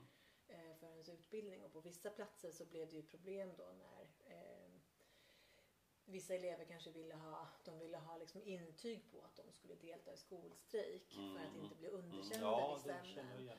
Och då kan man ju tycka att det inte är så mycket strejk längre. Nej. Utan eh, ja, då blir det någonting annat. Så att, Mm. ja, jag vet inte. Det, jag, jag tycker att det är en, int- det är intressant, tar de upp någonting om det? För jag kan ju tycka att det är intressant att man, när man då vill motverka klimatförändringar så, så, så tycker man att det är rimligt att skära bort en femtedel av sin utbildning. Mm. Det, det har jag inte sett. Jag har kanske inte riktigt läst alltihopa här. Eh, Men just den biten har jag faktiskt inte sett alls här. Ja, för att jag, det, om det är någonting som man behöver så är det ju liksom, man skulle ju snarare uppmuntra att liksom plugga mer. Mm. Att göra mer. Ja. Vi behöver, ja. Men, men det är väl kanske inte målet. Nej, för det skulle jag ju säga att, att det som är viktigt här det är ju liksom att få klarhet i hur geologin fungerar, klimatet fungerar. Mm. Eh, För jag har ju en annan uppfattning om, om det och jag har ju läst lite grann geologi. Det är ytterst lite jag har läst och sådär Mm. men vi har ju de här cyklerna om att det blir varmare och det blir kallare. Vi kan ju bara titta tillbaks på istiden, då var det garanterat kallare i Sverige. Ehm, och det Mm. gick ju inte ens att bo här för landet fanns inte, eller det fanns under ismassa helt enkelt. Så att eh, klimat ändras. Mm. Så, så är det, så är det. Inspirerad av Gretas initiativ samlades miljontals människor världen över i den största gemensamma protesten någonsin mot klimatförstörelsen. Greta reste med segelbåt över Atlanten till USA för att tala inför världens ledare. Hon bad alla mäktiga politiker att inte längre blunda för klimatproblemen och istället göra någonting innan det blir för sent. Och det kommer vi ihåg från FN Mm. hur långt det lät. Och det är väl lite hjälte över det här också, eller hjältinna kanske man ska säga. Mm. Just att man gör väldigt stora saker. Nu stängdes min telefon här. Jag ska öppna den och se om det är någon rubrik som passar till det där. Ja, ger inte upp. Om man försöker vara föredöme. Hjälten som aktiv. Eh, Ja, Ja, nej, men det här är väl, det, hela boken uppfattar jag ju som ett sätt att beskriva henne som, som en förgrundsfigur eller, Ja. eller en form av hjälte. ja, Men det är ju, för mig är det här lite återkommande. Jag är ju nyfiken på vart det här leder. mm, Vad, vad får det för konsekvenser mm. av hennes, eh, av, Konsekvenser av den här boken eller av henne? ja, av henne. När boken så tänker jag vem, vem riktar den sig till? Ja, jag undrar också det. Vem är Jag det som här. vill, eh, För jag har inte sett någon sån här eh, barn 6-12 år har jag inte sett. Men det, den är ju gjord, eller illustrationerna är ju för barn skulle jag Ja, det är, säga. ju- jag skulle också Även om säga jag att det tycker här är känns som en också. Det här tänker jag ju är en bok som den ser ut att man, tänk, att man läser den för en åttaåring. Ja, Åtta, ja men lågstadiet. vi kan se här. Eh, mer att läsa i Små människor stora drömmar-serien för 3 till 6, för 3 till 6 åringar borde det stå. Ja det borde ju vara då. tre Agatha. Christie, Astrid Lindgren, eh, Jane Austen, Frida Kahlo, Ella Fitzgerald och med mera, med flera, med flera. Och från Mm. 0 till 3 år måste det också vara. Frida, Mm. eh, det är Kahlo. Ja då har de lite enklare. Och Coco, Coco Alltså de tänker sig alltså att den här, det här är- man ska läsa för en femåring i princip. Ja det är Mm, spännande. mm. Ja, och jag tänker liksom att det här, när jag läste den första gången då tänkte jag liksom att det här är ju indoktrinering. Mm. Eh, Man vill verkligen forma en person eller ja, jag undrar liksom, ja, det- konsekvenserna av... Det är ju också så här, vad är det för budskap? Mm. Alltså vad är det man, om jag pratade nu om, som min fråga innan med den här minidokumentären, liksom, den här miniserien. Mm. Vad är det för budskap man vill ge? Mm. Vad är det för frågor man vill att vill eh, liksom ställa och vilka svar är det man Mm. tänker sig att man vill ha? Eller är det liksom bara någon form av, eh, vad ska man säga, man planterar en tanke? Mm. Ehm, nej, jag vet inte. Det är väl inte helt uppenbart heller. Nej. Jag, jag tänker att, att vilken förälder vill, vill leverera budskapet till sin femåring att skolan, den ska du strika ifrån. Mm. Och gå din väg. Hitta din väg Ja, gå din och- väg kan man väl liksom uppmuntra. Eh. Men att säga, jag menar det, jag, jag tänker mig att om barnen sa att nej men idag så strejkar jag, jag tänker Mm. inte gå till förskolan Mm, liksom. mm. Då tänker jag att föräldrarna inte blir jätteglada. Nej. Och om man säger att man ska göra som Greta eh, så tror jag inte att man skulle tycka att det var ett argument som dög. Nej. Mm. Ja, nej, jag undrar lite grann vilka läser för sina barn och vilken påverkan har det? Mm. Eh, text av Maria Isabel Sanchez Begara och illustrationer av Anke Weckman. Mm. Ja, det är ju en fin liten bok. Ja, jag är faktiskt nöjd att jag köpte den. Ja. För det känns verkligen som en någonting i nutid. Mm. Och jag kan tänka mig att, men jag menar där är ju också barnen för små. Om man pratar om, om när du är fem år, då har du inte hunnit få någon, någon diagnos. Nej, det Jag kan man tänker- inte ha. Ja, Nej. det, det skulle jag inte tro. Jag tänker mig att det är att där diagnoserna mer reds ut när du är låg och mellanstadiet. Mm. Och om man tänker sig att man ska läsa den för upp till sex år, då har Mm. man ju inte då har man nog inte hunnit få någon, någon sån. Så att man kan inte, annars tänker jag att det skulle vara, kunna vara uppmuntrande för ett barn som har Asperger eller någonting Mm. annat att få veta att man kan åstadkomma. Mm. Att det här kan vara en, en, en styrka. Men jag tycker att det är också ett budskap som kommer igen från väldigt många håll. Mm, Det kan jag säga att jag, jag jobbar ju med Asperger och autis, inom autismspektrat och det finns väldigt goda möjligheter. Ja, ja, men Verkligen. det tror jag också. Men jag skulle ju också säga att eh, det är ju ett, naturligtvis också hinder. Ja, i vissa fall. Ja, alltså om du har svårt med liksom, vissa rutiner, alltså vissa Mm. saker kommer att vara svårt att göra. Mm. Det är ju inte som att, att eh, så här, ja, det, det, det finns en anledning till att man har fått diagnosen. Mm, Liksom, mm. För att det ställde till det för en Ja. ens vardag. Om det hade varit en super en superkraft. Då hade man ju inte behövt att sätta en diagnos. Då hade man ju fått hoppa över årskurser och Mm. liksom eh, eh, sett som ett geni. Jag Mm. menar, det, det är ju snarare tvärtom. Du får ju diagnosen för att du, du har problem med att, Mm. att fungera i en vanlig miljö. Mm. Och sen så kan du ju... Så det, ja, ja, Ja, det ska, ju- man ska ju inte låta det hindra en. Nej, vi har ju den här äh, engelska dechiffreraren under andra världskriget. Nu kommer jag faktiskt inte ihåg vad han heter. Mm. Men som, som man nu i efterhand har sagt liksom att han hade ju någon slags autism där. Mm, Eh, och han knäckte ju koden till Enigma. just det. Eh, och det, det är ju fantastiskt. Det, det, sånt ser jag upp till. Och så. Mm. Eh, så att, eh, ja. Vi kan säga att det var väl tur att han inte skippade en dag i skolan. Ja, verkligen, verkligen. Ja, jag, Jag, så, känner en viss Ja. tacksamhet över det faktiskt. jag, jag, jag, jag, jag är ju lite kritisk till, till det där. Jag kan ju tycka att... Eh, om, jag, man ska säga också att, eller som jag har förstått det var ju att eh, Greta Thunberg var en av flera eh, studenter eller elever som, som, som deltog i någon, om det var, jag tror att man skrev uppsatser och så vidare. Mm. Eh, men det var, ett, det var liksom ett antal elever som, som, eh, som, som eh, där man ville göra, uppmärksamma för klimatproblem och Mm. sådär. Mm.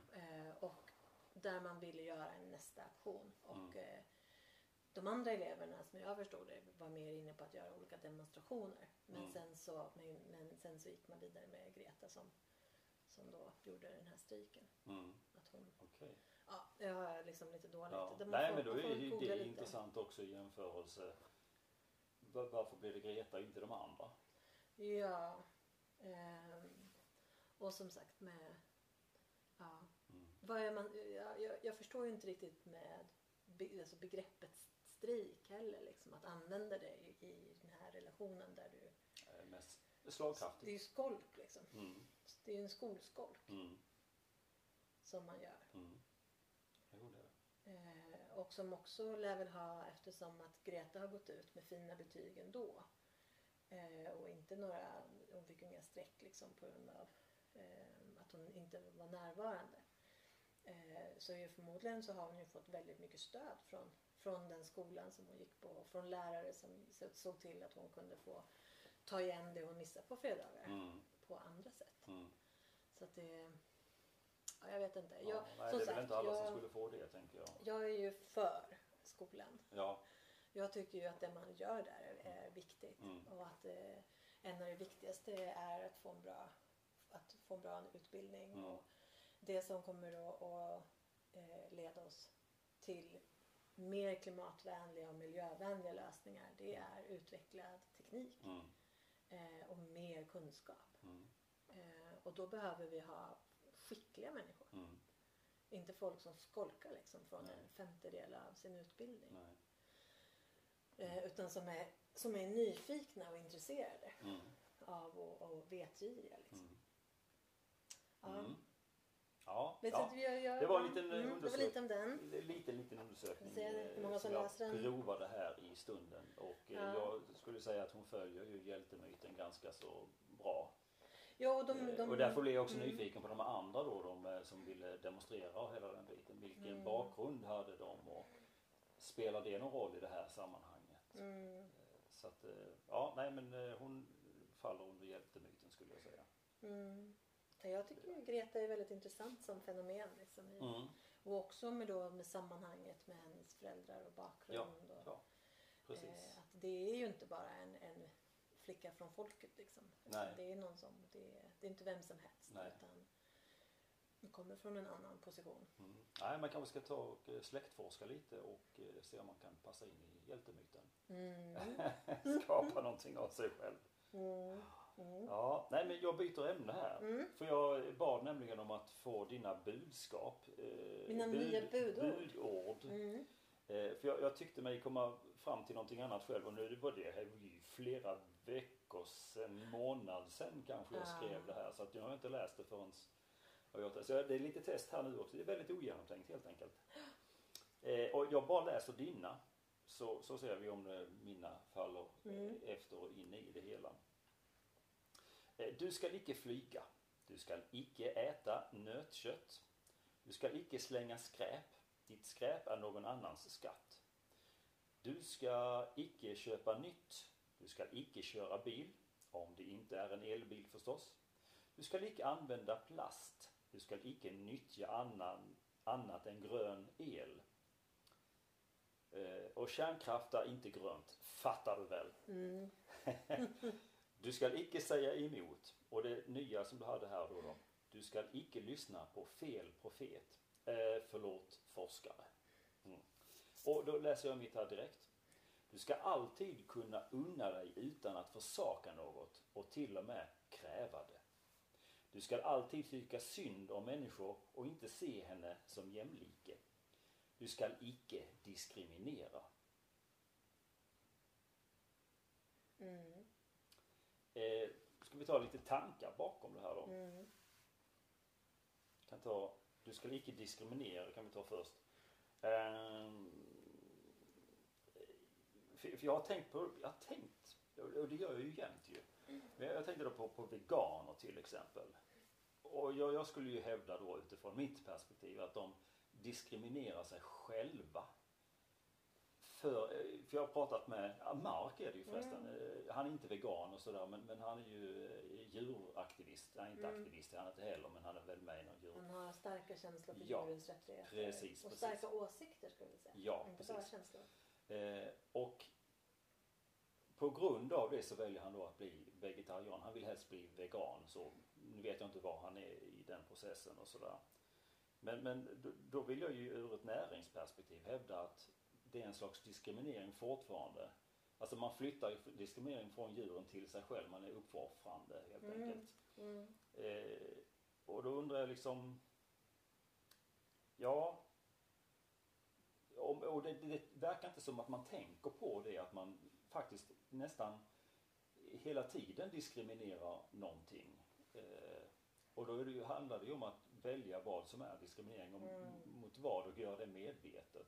Istället bara för att glida åt en, ena hållet. Och så, nu vet inte jag om det här resonemanget funkar överhuvudtaget. men, men eh,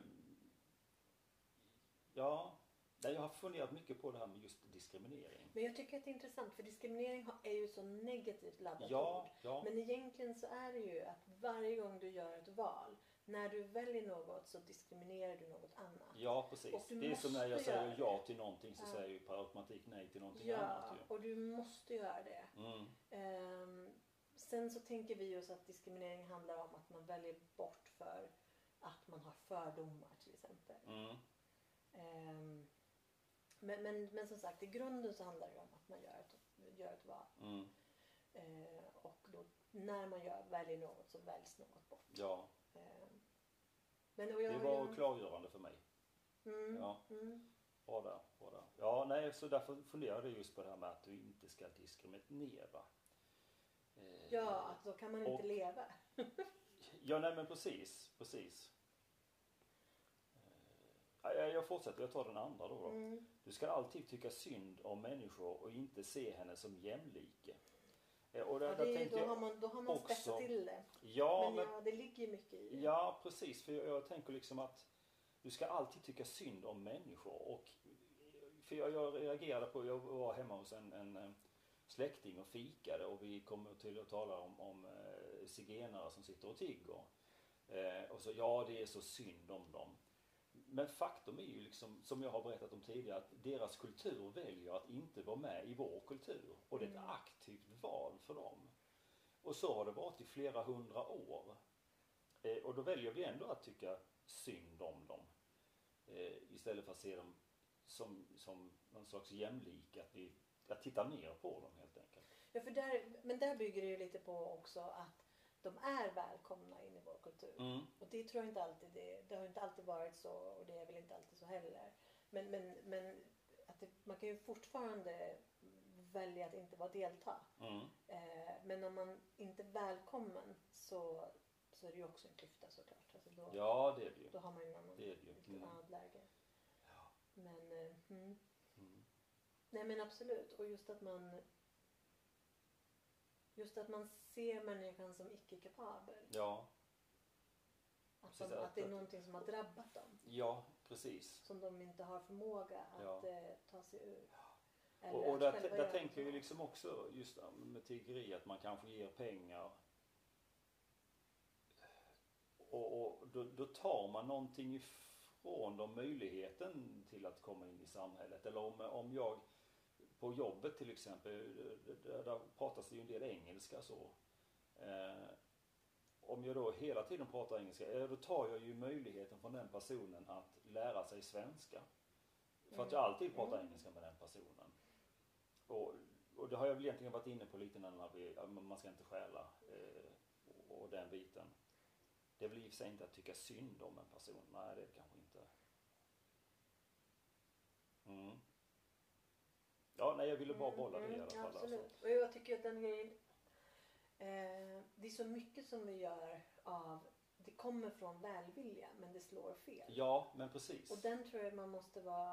Att man, man får rannsaka sig själv lite Mm. där och säga att om utfallet blir dåligt Mm. då spelar det ingen roll om intentionen var god. Nej. För att då har det ändå blivit dåligt. Mm. Om du ville väl. Mm. Sen så kan det ju vara så att det går inte att förutse Nej, att det det blir inte. dåligt. Och det är ju en annan sak. Men Ibland måste man ju faktiskt- prova. Man Ja. måste ju våga prova ju. Men om man faktiskt kan förutse, som till exempel med att ja, man, vill, man vill underlätta och göra att ja, men jag, pratar bara, jag pratar bara engelska med dig för Mm. att, för att det, det, det gör det lättare för dig. Men Mm. att det då, då, först, då, då är det konsekvensen att du Mm. kommer inte lära, personen kommer inte lära sig, Nej. lära sig språket och kommer inte komma in. Så det är ju liksom Mm. då, det där är ju snarare vänlighet, vänligt att ta sig tid. Mm. Ehm, Ta den tid som behövs för... eh, Ja. ja precis. och säga till att ja, men det här säger man så. Ja, precis. Och, Och våga rätta personen Mm. också. Jag fick en Mm. utskällning av min före detta för att jag inte rättade henne. mm, Så hon blev ju sur över att hon hade lärt sig fel då. Det är ju, ju mer man tjatar felet ju längre stannar det kvar så att säga. Det är inte det enklaste att jag blev ändra det så att eh, ja, jag började se det, för jag tyckte jag var snäll som inte rättade henne. Mm, Att hon fick behålla det flöde hon hade men, men i längden så gav det ju inte något bra resultat. Så, mm, så att det var, var en eh, bra lärdom för mig. mm, Du ska alltid kunna unna dig utan att försaka något och till och med kräva det. mm. Det är mycket djup i den Ja. meningen. Unna sig överhuvudtaget. Det har ju blivit väldigt, för det första har det blivit ett modeord den Mm. senaste tiden. Mm. Men att unna sig. Eh, jag, jag har ju väldigt jag, det finns ju vissa uttryck som liksom gör att man ryser lite av obehag. Liksom. Och unna sig. Det, är det, jag gillar inte det begreppet. Nej, Åh, men nu ska jag ta och unna mig. jag är värd det. Ja. Jag förtjänar det. Det, Ja. det har jag väldigt svårt för. Jag kan tycka att det är en helt Sådär, annan ja. sak som att man säger att jag unnar dig Mm. detta. När Mm. någon har liksom fått någon form av framgång eller Mm. Och jag unnar verkligen, och speciellt när man pratar om personen som är tredje person. Jag Mm. unnar verkligen henne det här. Mm. Unnar, alltså det tycker jag är en annan sak. Men Mm. att man unnar sig själv. Att man blir glad för en annan persons skull. Ja, precis. Att man, ja, men precis. Man gläds och att man, Mm. att man gläds och att man, att man verkligen, ja, vad ska man säga, men att man unnar sig själv. Det handlar ju nästan alltid om att frosseri. ja. Att man, man ska unna sig själv ett glas vin. Mm. Eller på fredagskvällen. Mm. Man unnar sig själv en god bit tårta liksom, Mm. eller choklad. Ja, unna dig. Här unnar jag. Så jag ska unna Mm. mig med det här. Mm. Det, det är liksom ett sätt att, för mig i alla fall, jag tolkar det som att det är ett sätt att, att eh, förklara eller liksom att rättfärdiga Mm. att man överkonsumerar. Mm. Att man unnar sig. Ja, precis. Ja, man ser inte konsekvensen av det. I alla fall inte i stunden. Nej, och att man säger så här, ja, jag unnar mig den här resan. Mm. Det låter det som att man egentligen inte borde ha åkt. Mm. Att man inte hade råd. Mm. Eller att man borde ha lagt tiden på någonting annat. Mm. Men man unnade sig. Alltså att man har prioriterat. Man har prioriterat det fast man inte borde. Mm. Jag vet inte, jag får en sån otrolig negativ laddning Mm. när man säger det. Är det det som nummer två här då för min del? Att man alltid ska tycka synd om människor. Om sig själv också. Ja men det är lite synd om mig, jag får trösta mig. Och då får man unna sig. Och då får man unna sig. Ja, det är lite synd om en. Och det är väl väldigt många som tycker synd om sig själva också. Att man drabbas Vilket av säger emot den tredje, du ska icke diskriminera. Eh, vilket man då gör. Mm, att man diskriminerar. För att det ger en konsekvenser som man inte vill ha egentligen på lång, Ja. lång sikt. Ja. Ja. Ja, nej men det var de där eh, som Ja. jag, jag hade och som jag ville bolla med. Ja. Det, det var eh, bra. Vi fick bra svar av dig tyckte jag. Så ja. Det här ska jag lyssna om på och skriva ner. Ja, Ja, nej, ja, men- men liksom men- hela kittet där. mm. Det, det var kul att dela det. Ja. ja, men jag tycker att det, just, just det.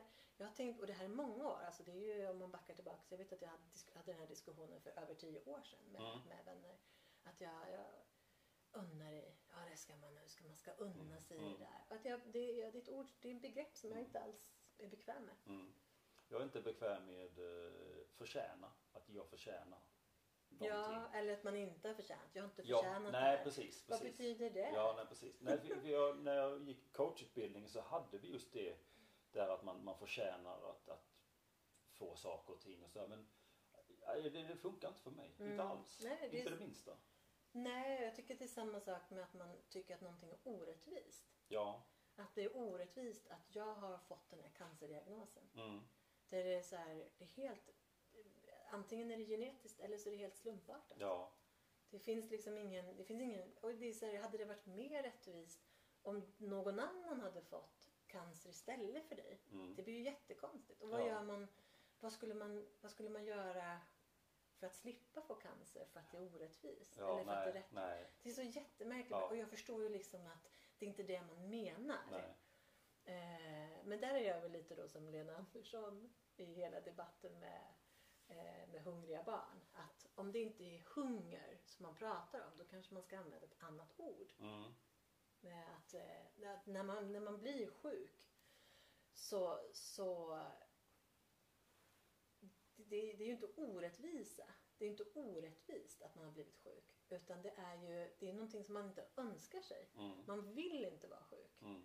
Man vill leva liksom, det, det är ett avbrott från, från livet. Liksom. Mm. Ja, det är det. Som, alltså, man, det, det, man vill inte ha det. Man, Nej. man hade önskat att man hade sluppit. Och Mm. man, eh, det är ju inte orättvisa. Nej. Det är inte det, är inte det, det, det, är inte, det är inte det som är ordet. Liksom. Nej. Eh, Nej, precis. men det är väl Nej, vi lurar oss lite själva med vårt ordval. Ja, och det här är ju... Jag lyssnade ju som sagt mycket på Elin Kjos när hon, eh, Mm. Hur hon resonerade. Och just det här, hela den här fackcancerkulturen. Kulturen. Mm. Den, den, jag menar, budskapet i sig att man kämpar mot cancer, det, det är ju liksom inget... Eh, det, det, det har jag ju ingen, inga synpunkter på. Men, men just ordvalet. Mm. Eh, Ja, men precis. Ja, nej, jag, jag kan inte skriva under på det. Absolut inte att jag vill ha cancer eller eh, ens önska någon annan det. Utan, nej, nu tänker jag ju på mig själv liksom eh, att jag var sjuk här i våras rätt så rejält och sådär. Men jag hade nog ingen tanke på att det skulle vara orättvist. Utan det är som det är. mm, mm. Ja, och det där är väl och, inte också... och så får jag rätta mig efter det på något vis och göra någonting åt det i bästa fall. Om jag kan. Mm. Så ja. Ja, ja, och- men jag menar det där är ju också en sån sak som det är ju tankar som måste komma från en själv. Mm. Eh, Mm. Det kan inte komma från någon annan. Jag vet att jag, det var någon, jag kommer inte ihåg vem det var, men vem det var, men det var någon som blev eh, lite irriterad över att eh, de, de kom till typ, kanske inte cancervården, men att det var i olika sammanhang med sjukdom som de fick höra att, eh, att, att eh, ja, nu har du chans att liksom känna en tacksamhet. Ja, För att precis. du får, för nu kommer du få, få nya perspektiv ja, på livet. Precis. Liksom. precis. Eh, och det går ju inte så. Så kan man heller inte resonera. Att eh, du ska vara tacksam för att du har blivit sjuk. kan ju ta det som ett tips men, men eh, som du säger det måste ju komma mycket från en själv också ju. Ja, man måste Eh. man, söka sig lite. Ja. Ja, eh, jag tyckte det var, det är också en sån, jag kände inga, inga, ingen irritation eller någonting mot men jag hade en, jag blev eh, för länge sedan när jag var hyfsat ny i, i, i arbetslivet så var det ju finanskrisen och då blev jag uppsagd från det företaget jag jobbade på eh, för att de tyckte att de behövde göra neddragningar av personal Mm. och det var helt enkelt bara sist, sist in först ut. Mm. Och det var inte dramatiskt överhuvudtaget. Nej. Det här var, det, det hade väldigt liten påverkan på mitt liv Mm. när man ser tillbaks på det. Mm. Tvärtom skulle jag säga att det, det gav mig nya perspektiv. Mm. Eh, men i den här uppsägningen så pratade jag och en annan kollega som då också blev uppsagd Mm. med min chef och han hade precis varit på en nära väns eh, begravning Mm. så han var uppriven. Mm. Men han sa till oss att ja, men sånt här det ger verkligen perspektiv på vad som är viktigt i livet. Mm. Och då tänkte jag att fast nu är det inte du som har blivit uppsagd. Nej. Nej. Det är vi som har blivit Han ville uppsagda. trösta er. Nej, utan Nej. Han, nej, nej, det tror jag inte. Utan Nej. Han, han tänkte högt tror jag. Att han tänkte att sådana här uppsägningar och finanskriser och sånt det betyder ingenting. Liksom. Det, det är livet som är. Och han, jag, jag tycker ju att han har helt Ja, rätt. ja absolut. Eh, men det är ju som sagt det är en insikt som man själv behöver göra. Ja. Hade vi sagt det, Mm. någon av oss sagt så här. Han hade kommit från en begravning och sagt att ja, nej, men det var verkligen uppslitande. En ung människa liksom. Mm. Mitt i livet. Mm. Mm. De dör i förtid. Mm. Säger jag lite Just så det, här, ja, som att det är ett annat begrepp som vi har Mm, pratat mm. om. Men om någon av oss hade sagt att ja, det, ger verkligen, det gör verkligen att man får perspektiv i sammanhanget. Mm. Eh, men men, men han, kan inte, han kan inte säga till oss när det är vi som har blivit, eller han gjorde ju det. Men, Mm. men det, blir, det, blir, det, blir, det får en annan betydelse. Mm. Här står vi och liksom, kanske inte vet hur vi ska betala hyran om tre månader. Mm. Eh, så att, ja, Mm. som sagt, det är, jag håller inte det emot honom. Utan det är ju, det är ju också någonting att fundera över. Mm. Eh, men det är ju det. Man, man, lärdom måste komma från en själv. Mm. Det är väldigt, och det är som Claes Hallberg återigen som sa att det enda jag har lärt mig från någon annan, alltså en livsläxa som jag har fått tack vare någon annans upplevelse. Mm. Det var ju då, och som han återkommer till ofta, men det var ju när han gick på universitet och hans kompis var hemma sjuk en vecka Mm. eh, med otäcka diarréer. Eh, men det visade sig att han hade ett blödande magsår. Oj. Så han, i, han trodde att han hade diarré, Mm. men det var blod som han bara skjuts, alltså, som skjutsades ur kroppen. Så när han kom tillbaks liksom, efter en vecka eh, på skakiga ben så svimmade han under en lektion och eh, det blev liksom ilfart till sjukhus och Mm. eh, han var nära döden. Och det, det, är- det brukar Claes säga att det är den enda upplevelse som någon annan har genomlidit Ja. som jag har lärt mig någonting ifrån. Och man får, vara, man får ha lite så att Mm. mm, det, är, väl- det, är så, det är så väldigt lätt att pracka på andra människor sina egna upplevelser. Och så här, ja, jag tolkade det på- det här viset. Men andra människor behöver inte göra det. De, och de behöver få Jag kommer ihåg ett samtal som jag hade för många år sedan med en kollega och jag berättade hur jobbigt jag tyckte det var i min relation. Mm. Och hon är si och hon är så. Och så säger han då, ah det är ingenting med hur det var när jag träffade min tjej. Mm. Mm. Det hjälpte inte mig ett enda smack. Nej. Nej. Ja, nej det är svårt att pracka på andra människor sin egen upplevelse. Ja. Absolut. Jag tycker överhuvudtaget är en sån sak att man, man använder andras berättelser som bryggor Mm. bara för att prata om sitt eget. Mm. Mm. Jag tror att det är en sån... Ja, jag, jag brukar tänka som du säger med när du gick på clownskola. Mm. Man verkligen eh, man väntar tre sekunder innan man, byter, innan man själv börjar prata. Ja, det är fruktansvärt jobbigt. Ja, och- det brukar jag inte göra ska jag säga för det, det, är ju, det är ju lång tid att vara tyst. Det är jättelång tid. Eh, men jag Vi tänker... kan testa nu. Där gick det väl tre sekunder Mm. tror jag. Mm. Ja, men det är ju det är lång tid. Men jag kan tycka att det är intressant att bara så här. Jag, jag låter den här personen prata klart. Mm. Och det, för det första det som jag tycker man ofta märker det är ju att personen pratar inte klart. Nej, det spinner ju vidare till De bara annat pratar och pratar och pratar. Och de, Mm. alltså, det, jag kan nästan uppleva att det finns en rädsla för att eh, om jag tappar ordet så får jag inte tillbaks det igen. Mm. Mm. Och så, jag tycker att det är många sammanhang när, det, man, när man är så här, ja det är ju så. Mm. För att eh, någon går in och avbryter.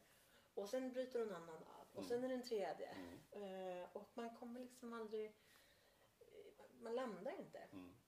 Och sen tycker jag ofta att det är så många som inte kan formulera sig lite kort. Mm. Kom till saken. Mm. Men man drar igång en monolog. Mm. Eh, och sen blir man stressad över att man måste liksom så här, nu, bröt, nu avbröt du mig. Man bara, ja men du blir ju aldrig klar. Nej, nej, nej men precis. Ja, Mm. nåja. Mm. Ska vi Avsluta där. runda av? Ja. Så vi hade första halvan med väldigt mycket helikoptrar. Det var mycket helikopter och flygplan där ute. Och så, så jag hoppas att det hörs där i alla fall. Ja. Jag lär väl märka när jag redigerar det här. Ja, det var väldigt trevligt att Ja, ha, det var superkul. ha dig och eh, alla lyssnare hemma hos mig då. Ja, Mm. trevligt. Vi tackar alla. Tack så mycket. Tack så mycket.